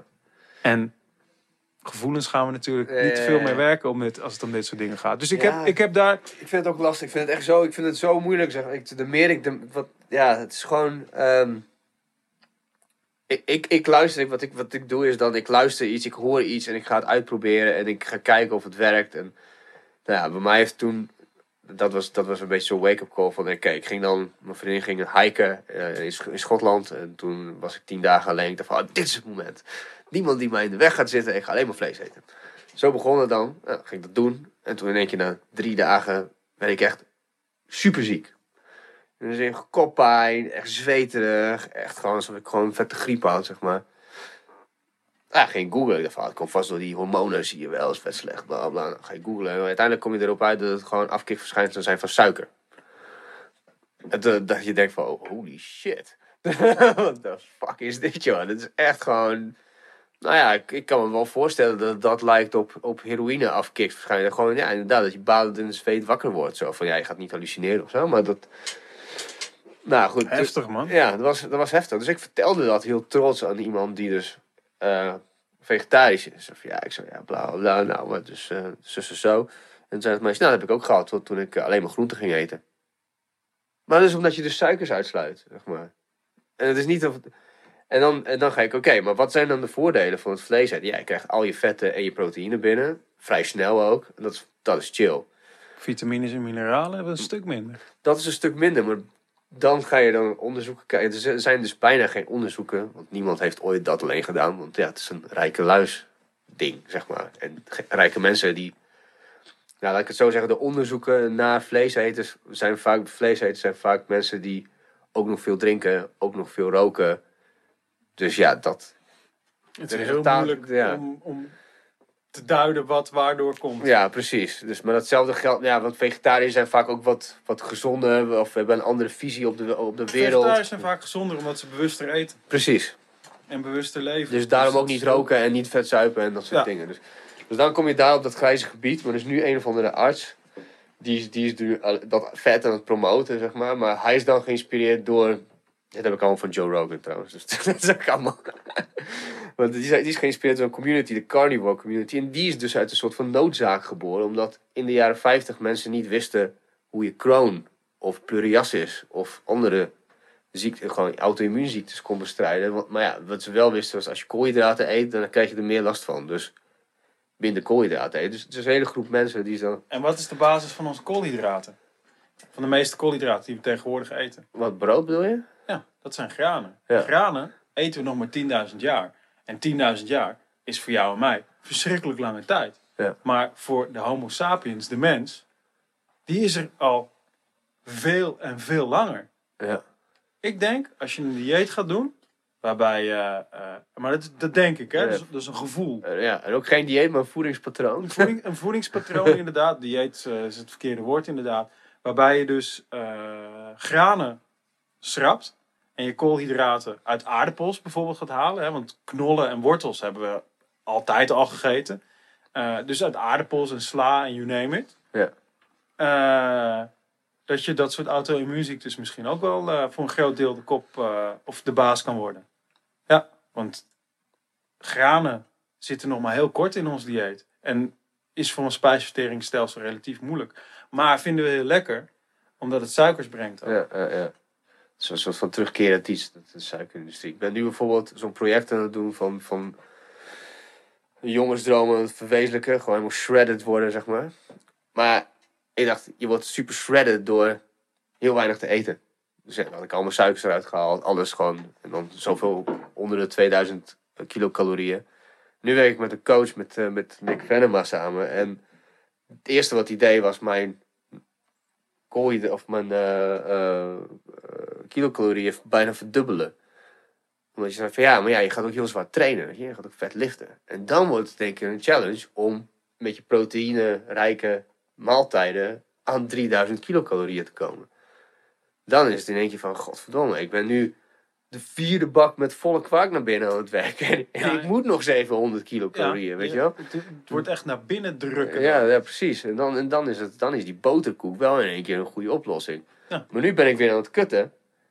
En dat, ik ben maar met 400 kilocalorieën naar beneden gegaan. Wat, nou, op 2700 zit ik nu. En dat wat voor mij drie maanden geleden echt heel veel was. En met moeite aankwam. Nu voel ik mijn lichaam dat ik... Dat ik, ik, ben ik zit er nu op vandaag. Perfect ook. Laatste bakje kwark voordat je kwam.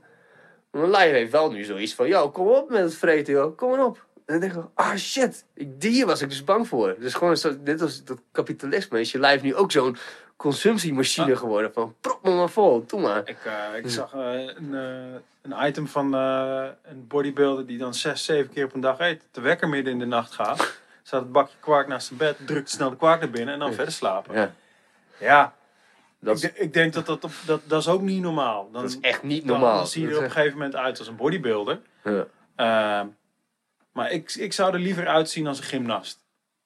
Want dat is, dat vind ik een mooiere bouw. ja. Een atleet bedoel je? Ja, Gewoon een, ja, echte, een echte atleet. Jury van Gelder, bijvoorbeeld. Ja, nou dat is ja, wel vrij buff, hoor. Ja, maar eh, eh, hoe- heet eh, de, de King of the Bridge? die, die Friese jongen. Oh, Epke. Ja, Epke Zonderland. Ja, gymnasten, die hebben effectieve kracht. Bodybuilders. Ik, een, een Russische sportcoach waar ik veel van gelezen heb, die Spetsnaz ook getraind heeft. Zegt van het ergste wat krachtsport ooit over, is overkomen is bodybuilding. Ja. Spieren in isolatie trainen. Ja? Weet je wat het mooiste voorbeeld is wat hij had? Maak een vuist, Theo. Maak een vuist, ja? Ja, Je pols Oh, ja. aan, toch? ja, ja, ja precies. Knij- knijp harder. Knijp nog harder. Je bicep gaat werken, toch? Ja, ja. Je tricep gaat werken. Knijp nog harder. Je rug gaat meedoen. Je borst gaat, mee, gaat meedoen. Dus waarom zou je die pols in isolatie gaan trainen? Ja, dat is om die spier heel groot te maken voor... Nou ja, we hebben Mr. Schwarzenegger hier aan de muur hangen. Voor een bodybuild competition. En als dat jouw streven is... Bodybuilding is, een, is een, een tak van sport. Maar het is de eh, bigorexia noemen ze het toch? Vrouwen die hebben anorexia, mannen hebben bigorexia. Mannen die willen zo groot en buff mogelijk zijn. want dat wordt ons voorgehouden dat dat mooi is. Ja. Terwijl wanneer, toen Arnie begon, dat echt niet normaal was, zeg maar. Toen werd er echt op neergekeken. En Ja. Het is ook, dat is met steroïden gedaan natuurlijk. Dat is, Ja, niet, ja, ja, dat is, geen, dat is geen natuurlijk lijf. Nee. Ja, en dan zeg ik nogmaals, doe mij, doe mij dan maar een gymnastenlijf. Nee, maar, maar het, het bodybuilden aan zich is niet mijn, mijn streven hoor. Ik hoef niet 100 kilo te wegen en zo groot te zijn. Whatever. Ik wilde gewoon altijd een Bruce Lee lichaam. Want ik vond dat ook altijd zo van oké. dat maar is, dat is een interessant lichaam, Bruce Lee lichaam. Ja. Dat is super, super. Ja, gewoon droog, sterk. En nou, gewoon fuck. Nou, veel power, zeg maar. Maar goed. Dat is met Thaiboxen toen nooit gebeurd. Dus nu eh, doen we het zo. ja, mooi man. Leuk. Ja. Bruce Lee voelde zich op zijn best eh, toen hij wat een paar kilo lichter was dan ooit op zijn maximale gewicht. Hij zat ooit op een hoger gewicht. En toen, eh, ik weet het gewicht niet precies. Dat weet ik dan weer omdat ik kung fu doe. En de kung fu die Bruce Lee gedaan heeft. Wing Chun? Wing? Chun, ja. Ja. Wat doe je dat? Eh, ik deed het in Amsterdam. En ik ga nu heel af en toe naar mijn leraar in Amsterdam om, eh, om les te krijgen. En ik heb eh, hier wat mensen waarmee ik het aan het oefenen ben nu. Volgens mij Bouterieu, die dacht ik, die eh, Earl. Dat, dat is ook echt een vette kung fu baas. Dat is heel dat is een zijspoor trouwens. Maar dat is echt zo'n dude die ook zo'n speer op zijn keel kan zetten. En, Dat is weer een andere skill. Dat, Ja. dat, le- dat leer ik niet. de chi. ik, ik leer ook niet zoals karateka's betonblokken doorslaan met mijn hoofd en dat soort dingen. Maar eh, eh, Bruce Lee, die, zijn ideale gewicht lag onder zijn maximale gewicht. Voelde hij zich best, bewoog hij het best. ja. Ja, ja het is eh, ripped zijn. Dat is, eh, dat is een ideaal voor veel mensen. Ja. ja, nou ja, het is gewoon echt... Ik heb ooit een keer in de asielzoekerscentrum... Toen werd ik door zo'n Marokkaan... eh, ehm, een Marokkaanse meneer die, die zei van... Ja, ik moet je wat laten zien. En ik kon, kon niet echt Nederlands. En volgens mij kon hij ook niet zo goed Nederlands. Maar we konden elkaar wel begrijpen. En ik was een jochie van eh, zeven die er een beetje rond eh scharrelde, weet je. Dus hij zei van, ja, kom maar, kom maar. En toen liet hij mij een... eh, dan zette hij Hendrix op. En toen liet hij een boek van Bruce Lee zien. En toen dacht ik van, oké, dit is het. Hendrix en Bruce Lee. Ja, gitaarspelen is wel gelukt, maar shredded nog niet. Dus dat, dat is gewoon Ja. een soort van, van inge, ingebrand. Ja, soms heb je dat, gewoon een idioot. Ja, Bruce, Lee. Bruce Lee is een mooi ideaal om te hebben. Ja. Die gast die had ook gewoon van die electro... Weet je wat de Aptronics op een gegeven moment was? Zeg maar, van die, ja, van die elektroschok dingen. Die had hij dan ook op zijn vingers en op zijn borsten. En gewoon op zijn apps. Terwijl hij aan het tikken was. Dan ging het echt... Wauw. Ja. Dus misschien niet heel vreemd dat hij een... Ja, nee, ze zeggen dat die coma ontstaan is. Want hij is in een coma gekomen. Is Bruce Lee ook weer dood gegaan? Hij heeft een keer met gewicht heffen. Nou, in de films zie je altijd dat hij, een, dat hij in een combat zijn rug heeft gebroken. Maar hij heeft dus met gewicht heffen. Heeft hij op een gegeven moment is een van zijn eh, eh, Zijn disc. eh, discs eh, Ja. ge- op. Ja, ik weet niet precies. Ze zeiden dat hij nooit meer zou lopen en hij heeft zichzelf weer gezond getraind. Precies. Maar daarvoor hij had af en toe wel last van zijn rug. Dus hij slikte daar shit voor. En op een gegeven moment kreeg hij koppijn. Want waarschijnlijk was hij allergisch voor wat hij dan nam. Toen kreeg hij koppijn. En toen kreeg hij nog een soort van... Iets anders Iets erbij. en anders, Toen is hij hè? gegaan. Ja, Ja. toen is dat eh, chemische reactie. Ze- zegt Chuck Norris. ja, dat, Chuck Norris Ja. feels it went down like that. ja, precies. Want we weten de feiten niet. Ja, precies. Dus kunnen we alleen maar speculeren. Ja. Volgens mij is dat er sowieso al gewoon zo'n vette my- mys- mystische mysterie rondom eh Bruce Lee. Ja, ja, Eh, maar dat is ook deels gecreëerd. Want het is interessant natuurlijk. het, Zelfs. Het, het, het mysterie. Shit zelfs. Ja. Ja. Sales, dat is belangrijk in onze samenleving, man. Niet kennis, sales. En ja, wat dat betreft, hè, het is ook een prachtig voorbeeld. Daar moet ik dan aan denken, want je zegt pillen enzovoort.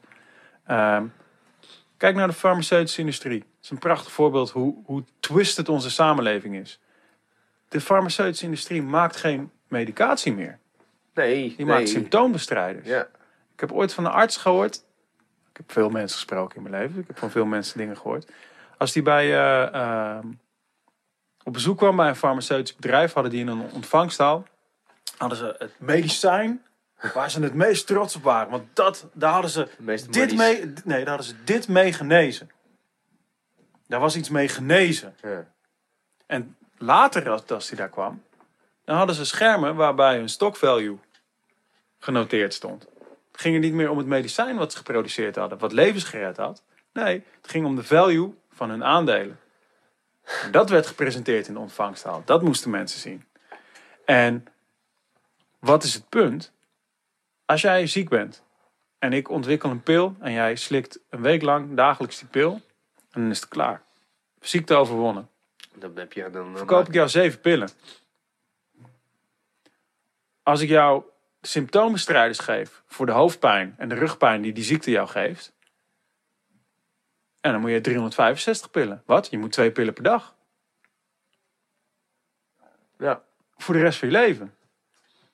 ja, dat is wel een goed beter businessmodel dan zeven pillen. een veel beter businessmodel dan zeven pillen. Dat is, dat is sterker nog, hepatitis C kan genezen worden. is een van de weinige hepatitis, of de enige hepatitis die echt daadwerkelijk genezen kan worden en dat je ook geen drager meer bent. En Goldman Sachs heeft geadviseerd aan Bayer, denk ik.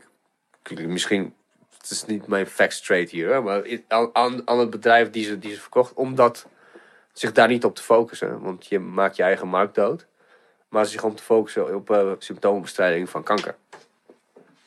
Ja, maar, maar bizar toch? Maar dat is gewoon een officieel rapport. Zo van jongens, eh, concentreer je daar maar op, want daar zit de meeste winst. Ja. Zo van, terwijl je het over een industrie hebt die van natu- ja, waar je eigenlijk automatisch van uitgaat dat het is om Maar, de mensheid te helpen. maar, dat, nou, maar dat is dus het probleem in onze samenleving. Het hoogste goed is geld verdienen. Ja.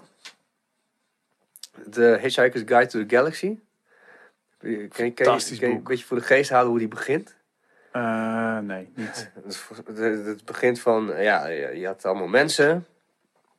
En die, eh, en die, en die mensen die geloofden allemaal in, in groene papiertjes. En, eh, en die wilden allemaal Casio-horloges hebben. En toen kwam er één iemand die zei dat, eh, dat je misschien meer voor elkaar moet betekenen. En elkaar kan helpen en dat soort dingen. En dat Casio-horloges helemaal niet zo belangrijk zijn. En die werd toen aan een boom gespijkerd. zo begint het volgens mij. Fantastisch. Ja, ja, ja. Ja, fantastisch. Ja. Ja, dat vind ik wel zo. Oké, Het is tekenend, hè? Ja. Het is een hele mooie metafoor. Ja, maar dat, ja, dat is onze samenleving. Zo, het voelt zo zwaar om dat te zeggen, hè? Onze samenleving is fucked. Het is natuurlijk niet echt fucked. Nee man, want er zijn, wat ik net zei, Voedselbos in Schijndel, er zijn fantastische initiatieven. En mensen die eh, openstaan voor andere culturen. eh, en de goede dingen dan van, daarvan op willen pikken, willen delen met anderen. Jij, jij, jij, jij bent een, een brug tussen Bulgarije en Nederland. Je bent tussen Oost- en West-Europa. Tussen het Oost-Europese platteland, West-Europese stad. Ja? Ja, absoluut. Ja. Ehm, en we hebben meer van dat soort mensen nodig. En jij bent ook, zoals ik jou gekend en onder, eh, ontmoet heb, weet je, yoga. Ja, fuck is yoga, man? Weet je wat? Ik ga het gewoon doen. Ik ga het ervaren. En ik probeer ook een open mind te hebben.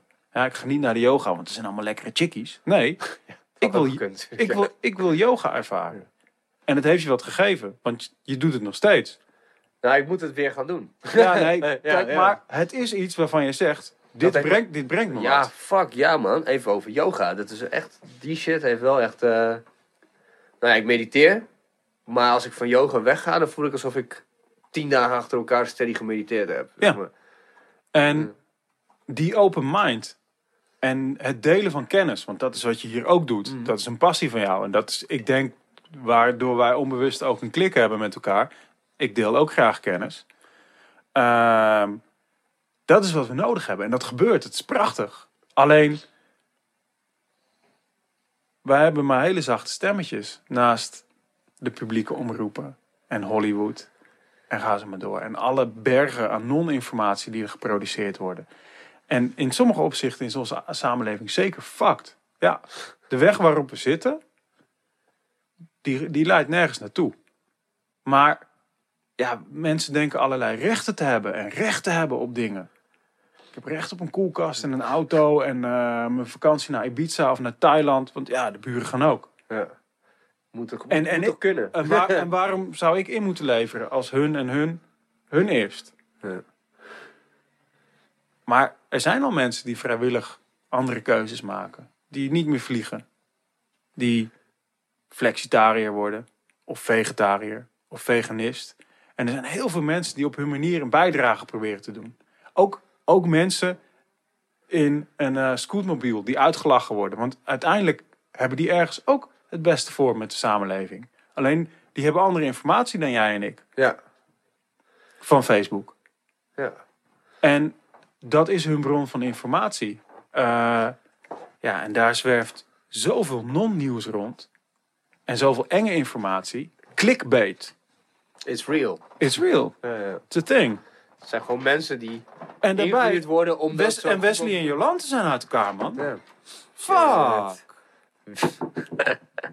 Klikken. Ja. Eh, dus ja, ik, eh, het, het is, ik, ik, ik, die mensen, mensen zeggen wel eens van, ah, Beer, wij lijken wel een pessimist. Eh, ik wil een realist zijn. En dat kan tot pessimisme leiden. Want poeh, er gebeurt wel een hoop heftigs om ons heen. En eh, ook een hoop moeilijks. Ehm, maar toch zie ik veel hoopvolle dingen gebeuren ook. En het is soms moeilijk om dat te zien tussen alle shit. Ja, tussen de onzin die Trump twittert en de gekke dingen die Rutte roept. En, Dat die gasten... Oké, dat is een ander verhaal. ja, en, en, en, en de brexit en alle, alle waan van de dag. Maar er zijn echt wel mensen met heel interessante dingen bezig. Ik, ik was van de, van de, nou, net de laatste dagen van de herfst. Was met een vriend van mij, waren we het rijdiep afgelopen. Dat was een vliegje hier trouwens. Maar ehm het ging, waren we gewoon een beetje aan het chillen aan zo'n ta- picknicktafeltje. Echt super mooie lucht, echt paars, mooi, een beetje platteland. En ehm, toen kwam er zo'n oud eh, mannetje op zijn, eh, op zijn fietsje, die kwam uit Garmert. Had hij even een tochtje gemaakt. En eh, die ging zitten en ging even, ja, die moest even zijn hart luchten. En dat was net Prinsjesdag geweest. En, nou, dat- toen zei van, ja, vroeger stemde je nog ergens op. Maar tegenwoordig, wat je, waar je- ook op stemt, gebeurt toch geen reet. Het gebeurt, het, is gewoon, het gebeurt allemaal geen grote machine. Dat is de overheid wil dit. Ik dacht van ja, oké, ik heb er nooit zo over nagedacht. Ik ben niet politiek geëngageerd, weet er te weinig van. Maar ja, zo voelt het zelfs voor mij. Voelt het zelfs zo. Er is niet, er is niet meer een bepaalde passie of zo. Mensen... Partijen hebben geen, eh, eh, staan niet ergens meer voor. Partij, en weet je, het CDA was een eh, paar weken terug in het nieuws van ja, als er geen draagvlak is voor eh, milieuwetgeving, dan gaat het CDA daar niks mee doen. Hè, want we willen mensen niet in de portemonnee treffen, want dat zijn de kiezers. Ja. En ik dacht, kanonnen man. Het is aan jullie om draagvlak te creëren. Dat is jullie taak om aan de burger duidelijk te maken waarom het belangrijk is dat we dit soort dingen doen. En niet achter de burger aan te hobbelen van hé, hey, mogen we jullie stem? Eh, oh, jullie willen pizza met extra kaas? Wij zijn voor pizza met extra kaas. jullie willen American Gladiators op tv? Wij zijn voor American Gladiators op tv. Ja. Ja? Dat is waanzin. Partij, partijen hebben geen visie meer. En daarbij, wat voor democratie zijn we, man? Het is, het is net iets meer dan de helft van de mensen die stemt. Dat is waar. Maar ja, hoe krijg je, dat is toch altijd de eeuwige debat. Hoe krijg je kiezers naar de stembus? Ja, hoe krijg je kiezers naar de, door het relevant te maken? En door mensen educatie te geven. En dat is nu... Dat Door, door mensen vrij te geven om te gaan stemmen. Vandaag zijn verkiezingen. Je bent vrij. dat is een goeie trouwens. debatclubs. Een, een werkende democratie eh, heeft een goede kritische media nodig. Daarvoor ben ik sikkom regelmatig dankbaar. Dus af en toe komt er bullshit langs, maar in andere, andere media ook. Maar ik zat vandaag het artikel bijvoorbeeld te lezen over die PVV-dame eh, en haar drukte eh, over eh, het WOB-verzoek. Ik denk, dame. En, maar dat zie je bij meer PVV'ers. Dat is onze grondwet en onze wetgeving. De wet op openbaarheid van bestuur. Daar staat WOB voor. Ja. We hebben openbaarheid van bestuur omdat het essentieel is voor een democratie. Betrokken burgers ook, kritische media ook. Dat is waarom een Trump zo hard op de media gaat. Ja, ja, ja. Daarom, daarom, hij zei het ook. Inderdaad, Dat zijn, eh, dat zijn voorbodes van fascisme. Media mond dood maken. Daarna begin je andere mond dood. Want op het moment dat de media het mond dood is, kunnen mensen niet meer spreken in publiek. Op een podium wat grote groepen mensen bereikt. Dan krijg je die Stasi-regime inderdaad. Dan kan je langzaam maar zeker meer mensen mond dood gaan maken. Dat wordt wel gruwelijk. Denk je dat hij nog een keer herkozen wordt? Die dame, Nee, eh, Trump? Trump, vind ik heel lastig om te zeggen. Het bizarre is dat ik blij was dat hij gekozen is. Heb je de Joe Rogan eh, zijn nieuwe show gezien? Dat hij vertelt waarom, eh, hoe, dan Amerikanen zijn. Zegt van, wij zijn een beetje bipolair, zegt hij. We hebben net eh, een super steady relatie gehad. Met een, met een slimme, knappe, charismatische vrouw die het beste met ons, me- met ons had. Het is nu uit. En we are dating a hooker. Weet je wel, zo. Het gaat alleen maar om de seks. En we zitten in een knalgele cabrio, kook te snuiven. En gewoon keihard over hem- snelweg ja. te racen, Ja. zeg maar. Ja. Maar het, het, dus mensen, het verbaast mensen wel eens als ik zeg ik ben blij dat Trump gekozen is. Maar waarom ben ik blij? Omdat het mensen, het, het- in the end it electrified people. Als, als Hillary gekozen was, hadden mensen, oké, she's gonna take care of it. Ja. Maar met Trump realiseren mensen zich, wow, we moeten zelf in beweging komen en zelf dingen gaan regelen. Want met deze guy aan het stuur van onze gele cabrio gaat het helemaal mis. Ja, is, al mis, toch? Maar wat, wat, wat, wat het meest bizarre vond ik... Ja, ik, heb alleen, ik ken hem alleen maar van die Netflix-docu's en wat dingen die ik toen zelf opgezocht heb op, op, op YouTube. Maar als ik het goed begrijp, is die vent zo blut als het maar kan. Maar hij wordt in, in leven gehouden, want als hij failliet verklaard wordt, gaan heel veel banken superveel verlies leiden. Dus hij moet soort van kunstmatig... Dat, dat, dat Trump Empire, dat is, dat is. Maar die hele economie is een bubbel. Ja. Het is allemaal nepgeld. Het is gewoon zo'n slang die... Het is een slang die zijn eigen staart Ja. aan het eten is. Maar dat zag je met de bankencrisis. Als in, in kapitalisme wordt er, in echt kapitalisme, zou je moeten zeggen van ja, hey, jullie, jullie, jullie bedrijf heeft verkloot, dus valt het nu om. Maar de Nederlandse overheid ging ABN AMRO redden. De Dirk Scheringa bank niet. Maar AB- ABN AMRO, als je bij Dirk Scheringa bank staat, hey, fuck you. Maar ABN AMRO werd gered. Waarom? Te grote bank om te laten vallen. Er zijn overal in de wereld zijn banken gered die aan het vallen waren. Want als die zouden gaan vallen, die zouden heel veel in hun val meeslepen. Omdat het een kaartenhuis is. Ja. Als je, eh, Ik, ik Als heb je- er geen heel weinig verstand van. als je van, als je van Luijendijk dit kan niet waar zijn leest. Oh ja, ja, ja, ja. Over Ik heb, over- ik heb een heel klein stukje gelezen en ik werd er zo, zo naar van dat ik hem weer op de plank gezet heb. Hij staat er nog steeds. Ik moet hem nog steeds verder lezen. Maar er is niks veranderd. En Nieuwe crisis 2023, heb ik gehoord. Ja, en de mensen die bij die banken werken, die vinden zichzelf allemaal fantastisch. En die geven zichzelf bonussen van miljoenen. Maar in feite doen ze niks voor ons. Vuilnis- waarom vuilnismannen meer verdienen dan bankiers?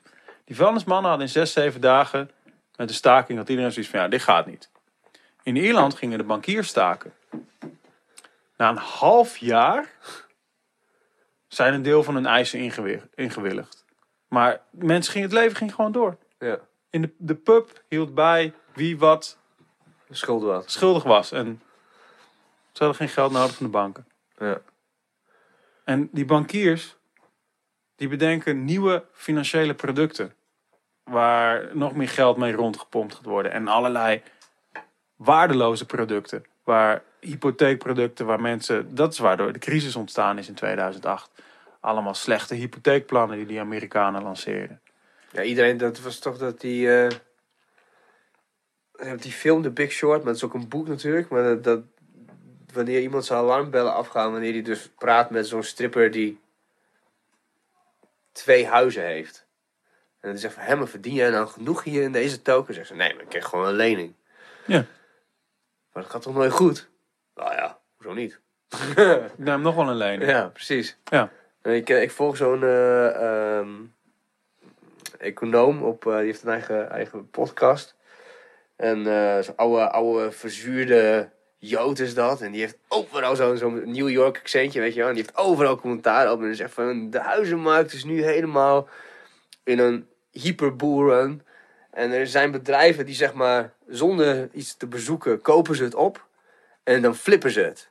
We're flipping property. weet je wel, dan weet je dat het einde nabij is van die bubbel. Als dat gewoon mensen gewoon zonder te kijken gewoon kopen, verkopen, kopen, verkopen. Hoe lang gaat het goed? Tuurlijk, dat kan niet. Je zag dat met die bitcoin vorig jaar, zeg maar. Ja. Dat gaat echt, bij die bitcoin is het natuurlijk heel klein. Ja. Het gaat één maand goed en dan klapt het. Maar bij dit gaat het nog wel even duren. Maar dan klapt het weer. zeg Ja, en dan zijn wij allemaal de sigaar. ja. Want wij hebben voor de ABN AMRO betaald. En eh, ING-bank is volgens mij ook door de Nederlandse overheid overeind gehouden. En die lui die geven elkaar weer dikke vette bonussen. Ik weet niet precies hoe het bonussysteem in elkaar zit. Volgens mij zit daar wel iets meer achter. ik. Ja, daar hebben ze, wat, hebben ze wat regels op losgelaten in de afgelopen jaren. Maar puntje bij paaltje is het natuurlijk een beetje waanzinnig. Als een bank met belastinggeld gered wordt. Dat jij dat, dan dat het topsegment elkaar nog steeds kapitalen uitdeelt. Maar waar zijn die bonussen op gebaseerd? Dat, dat, dat weet ik dus niet. Zo van, Ik ook niet, want daar heb ik me niet in verdiept. Maar ik weet, ik weet wel dat het natuurlijk waanzinnig is om in een jaar 10 miljoen extra te zien. De fuck moet je met 10 miljoen, Theo? Geen idee. Ik heb een keer uitgerekend dat als ik 2500 euro tot het einde van mijn leven zou verdienen en ik word 120, dat ik dan 1,2 miljoen genoeg heb. Wat natuurlijk heel weinig is als je het zo hoort, vergelijken met 10 miljoen. Zeg maar. Nou ja, maar kijk, een, ge- een gemiddeld mens eh, verdient in zijn leven het. Kijk, als jij, als jij eh, elk werkend jaar van je leven 20.000 euro verdient, dan heb je na 10 jaar heb je 200.000, dan heb je na 50 jaar heb je een miljoen verdiend. Ja. Maar dat is netto. Bruto verdien je dan nog meer. Ja, dus veel mensen die verdienen wel een miljoen, maar alleen niet in één keer. Ja. Eh, en we zouden het natuurlijk graag in één keer willen hebben. Maar Dan veel- nog, ja. Kijk, met geld kan je hele leuke dingen doen. En het maakt heel veel dingen makkelijk. Maar veel geld maakt niet veel gelukkig. Maak dingen makkelijker. Dat is het. Het maakt dingen makkelijker. Maar op, op een gegeven moment denk ik dat het dingen moeilijker maakt. Als jij heel veel geld hebt. Ik, ik zag een heel leuk itempje na de, na de, eh, volgens een, eh, een voormalig rijke familie in de VS na de, de crash van 2008. Een totale clueless blondine die ooit met een rijke dude eh, getrouwd geweest is. En haar, haar zoontje helemaal in die stress. Want eh, ja, ze hebben al in- hij moest in het vliegtuig naast iemand anders zitten. Oh ja. Dat was hij helemaal niet gewend, want het ging altijd met de private jet. Nou ja, en dan hadden ze een, zat een car geregeld, hè, een auto bij dat vliegveld. Dus eh zegt, oké, where's my car? Ja, you can pick it up there and there. Oké, where's my driver? Driver. Driver? What do you mean? Car doesn't come with a driver? No, you have to drive yourself. ja, dan, dan, dan brengt veel geld je denk ik toch wel problemen. Want dan Ja, dan ben je zo- wereldvreemd. Dan ben je echt wereldvreemd. Ehm, ik heb dus even net nagecheckt waar die bonuscultuur op gebaseerd is. Oh. Oh, kijk aan. Hey. Ehm, wat ik tenminste op Wikipedia kon vinden. dat heet dan de bonuscultuur, onder dat kopje. Eh, de toekenning van een bonus in een financiële wereld gebeurt op twee grondslagen. Afhankelijk van de functie van de medewerker. Aan uit, dat is, dus één is aan uitvoerende functionarissen in het bankwezen. Dat zijn vaak effectenhandelaren en dergelijke functies. Maar ook bij afdelingen als corporate finance en emissies en syndicaten worden bonussen bestaald uit de winst van het bedrijfsonderdeel over het afgelopen jaar. Ah ja. Eh, punt 2, dus dat is het tweede deel. Aan het hogere en topmanagement worden bonussen toegekend afhankelijk van het behalen van voorafgestelde doelen. Dus Het is gewoon ehm, prestatiebonussen. zijn ja, vanuit de betrokken, vanuit de betrokken onderneming is het percentage van stelsel. de winst. Ja, vanuit Ja. de betrokken Moet je nagaan onderneming. als je 10, 10 miljoen krijgt, wat voor winst je hebt gedraaid. Ja, dan wordt er 10 miljoen verdeeld onder meerdere lui. eh, maar eh, ja. maar waar, waar gaat dat over, man? Weet je? Ik kan het me niet voorstellen. Ik, dat is natuurlijk dat, de dream is dat je ooit, tenminste mijn dream is een soort van, lijkt me chill om nooit meer over geld na te hoeven denken. Want nu vertel jij dat verhaal over die blondine dan denk ik van ja kut, dan heb ik het goed. Maar dan hebben mijn, heeft mijn nageslacht, die is dan dat clueless, zeg maar. Ja. Dus die, ik heb ook nog Gaan die het goed hebben? En, da- en daarbij, ehm, werk is leuk, man. Je komt mensen tegen. Je komt andere mensen tegen, je bent wat aan het doen. En het, ik, ik ben bijvoorbeeld ook voor een basisinkomen. Gewoon een basisinkomen. Zeker. Maar genoeg om gewoon van te kunnen leven. Als je op vakantie wil, eh, als je leuke dingen wil doen, Dan moet je als je in de kroeg wil zitten, ja, dan moet je toch een paar dagen in de week gaan werken. Maar dat begrijp me niet verkeerd. Ik bedoel, wat ik nu doe, dan blijf ik gewoon doen. Want dit is wel een passie. Maar het is niet... Ik vind... Als je gewoon... Stel, hè. Zo van infinite money is gewoon chill. Omdat je dan niet die stress hebt om... Kijk, ik ben nu hier productief, vind ik. Voel, ik voel me productief. Ik vind dat ik gewoon goede dingen doe. Maar als ik... Ik heb ook in een fabriek gewerkt. Niks tegen, niks daar niet tegen. Maar dan heb je gewoon... Dan, dan heb je dus nul tijd om dit soort dingen te doen. Dan ben je alleen maar aan het werk om geld te verdienen, zodat je rond kan komen. Zodat je. Maar als je een basisinkomen hebt, kan je dus Precies. dingen doen die je leuk vindt en nog wat om de, Ja, voor de ja, ja. extraatjes. Ik denk ook, maar dat is ook het hele ding. Komen we weer wat ik eerder zei, hè, 40 uur is normaal, hè, 40 uur in de week werken. Nou, er blijft weinig tijd over om na te denken over dingen dan. En dat is een goede, goed middel. je hebt natuurlijk wel meer flexwerken nu en zo. Natuurlijk. Dat, dat Ja, maar flexwerken is helemaal niet zo leuk. is niet leuk. Dat is, 9 tot, dat is als een soort van verbloeming van altijd bezig moeten zijn. Zeg maar. Ja. ja. Ja, of ZZP'er, hè? Ja. Ja, je bent zelfstandige. Ja. Bijna geen enkele ZZP'er die een pensioen aan het opbouwen is. Nee, dat klopt. De vraag is natuurlijk of die pensioenen als wij, Iets waard zijn over 30 jaar, 40 jaar. Dat is een beetje altijd de vraag die ik, die, die ik stel. Van, ja. Er hoeft Ja, maar, één, hoeft maar één grote crash te komen en die potten worden gewoon leeggehaald. Ja, en door al die onzekerheid gaan mensen eh, voor zichzelf kiezen. Want dat wordt in de hand gewerkt. Nou, dan ga ik wat vastgoed regelen. Dan kan ik dat verhuren over 30 jaar. Dan ben ik in ieder geval van mijn pensioen verzekerd. Ja. Maar ja, dan ben je ergens andere mensen een beetje aan het uitbuiten. Uiteindelijk. Want je moet er meer voor hebben dan dat het je kost. Want je moet er zelf van kunnen leven. Ja, ik ben eh, dan eh, meer voor een samenleving die we een beetje samen dragen. Waar we het samen doen. Maar even op terug op de, want ik ben het met je eens, absoluut. Maar even terug op de basisinkomen. Ik, ik denk niet dat dat ooit doorkomt. Puur om het feit dat er zoveel ambtenaren zonder werk komen te zitten. Ja, maar precies dat. dus dat is... Want, want op het moment dat je dat basisinkomen invoert, ja, Dan kan je het eh, duo kan je afschaffen. Ja. Want we hebben geen studiefinanciering meer nodig. Iedereen heeft 1000 euro. Iedereen heeft een basisinkomen. Ja. Ja, dus je kan gaan studeren. Je kan, eh, je kan, je kan doen, doen en laten wat je wil. Ja? De, eh, de sociale dienst. Ja? Al die mensen, want kijk, er zitten bij de sociale dienst de hele goede lui die hele goede dingen doen. Maar er zitten ook gewoon plenty losers die uitkering, mensen met een uitkering het leven zuur aan het maken zijn. Maar feitelijk zitten ze daar ook op een uitkering. Want zonder die mensen met een uitkering zou hun functie niet bestaan. Ja, precies. Ja. En daar zitten ook een hele hoop kanslozen hoor. Want ik ken intelligente mensen met een uitkering. Als je hoort waar die tegenaan lopen. Dat is echt waanzinnig. En ja, die, die afdeling zou stoppen met bestaan. De mensen die zich met pensioenen bezighouden inderdaad. Zou allemaal stoppen met bestaan. Ja. En het zou ook een hoop geld schelen. Want er zitten ook topmanagers bo- Ja, ja, maar, bovenop. die, maar die moeten dan weer met 1000 euro, zeg maar. Ja, ja, inderdaad. Die, die, die moeten hun Audi dan verkopen. Ja, ik, ik noem geen naam, maar een vriend van mij die heeft bijvoorbeeld eh, onderzoek gedaan bij eh UWV voor verschillende marketing lean strategieën. Nou, het komt uit, uit een van zijn onderzoeken kwam volgens mij dat één afdeling gesloten kon worden en het andere dat de helft kon opdoeken. Nou, die is gewoon, eh, daar is gewoon verder niks mee gedaan, zeg maar. En hij is niet ontslagen, maar het is wel een soort van, ja, hij is wel tegen een, een Hier in mijn bureau, einde. ga daar maar ja, zitten. Ja, precies. Andere vriend die eh, eh, onderzoek heeft gedaan op dezelfde manier voor de belastingtelefoon. Waardoor je dan achterkomt, dus oké, op het moment dat iemand belt, dan krijgt hij een bevestiging van de afspraken via post. Nou, heel veel mensen schrikken zich dood als ze zo'n ding op de mat krijgen. Dus bellen ze weer. Dus dan wordt het weer over meer, meer mensen. Dus ja, dan eigenlijk is de belastingtelefoon een groeiend monster, zeg maar. Ja. Niet dat het slecht is, absoluut niet. Ik denk dat het sowieso zo de makkelijker je geholpen kan worden voor dat soort zaken, de beter is voor, voor het hele land natuurlijk, als je belasting gewoon kan betalen. Maar, maar ja, het zijn, we zijn mensen en we hebben systemen gecreëerd en we kunnen niet tegen kritiek, ook niet als grote groepen. Dus dat, Nee. dat wordt een, een, een groot punt. Ja, we moeten leren om flexibeler, flexibeler in onze systemen te zijn. En dat wat vandaag werkt, morgen misschien iets, op een iets andere manier moet. Ja. Of misschien niet meer. Hoeft te bestaan. Ja. ja denk je dat er een basisinkomen gaat, gaat, gaat komen? Ik, ik weet het niet.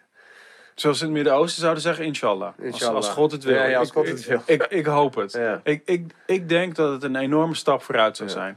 Zeker gezien het feit dat door eh, verdergaande automatisering enzovoorts er minder werk gaat zijn. Ja, dan kunnen we wel nog meer loze bullshit jobs creëren waar mensen zich leeg bij voelen.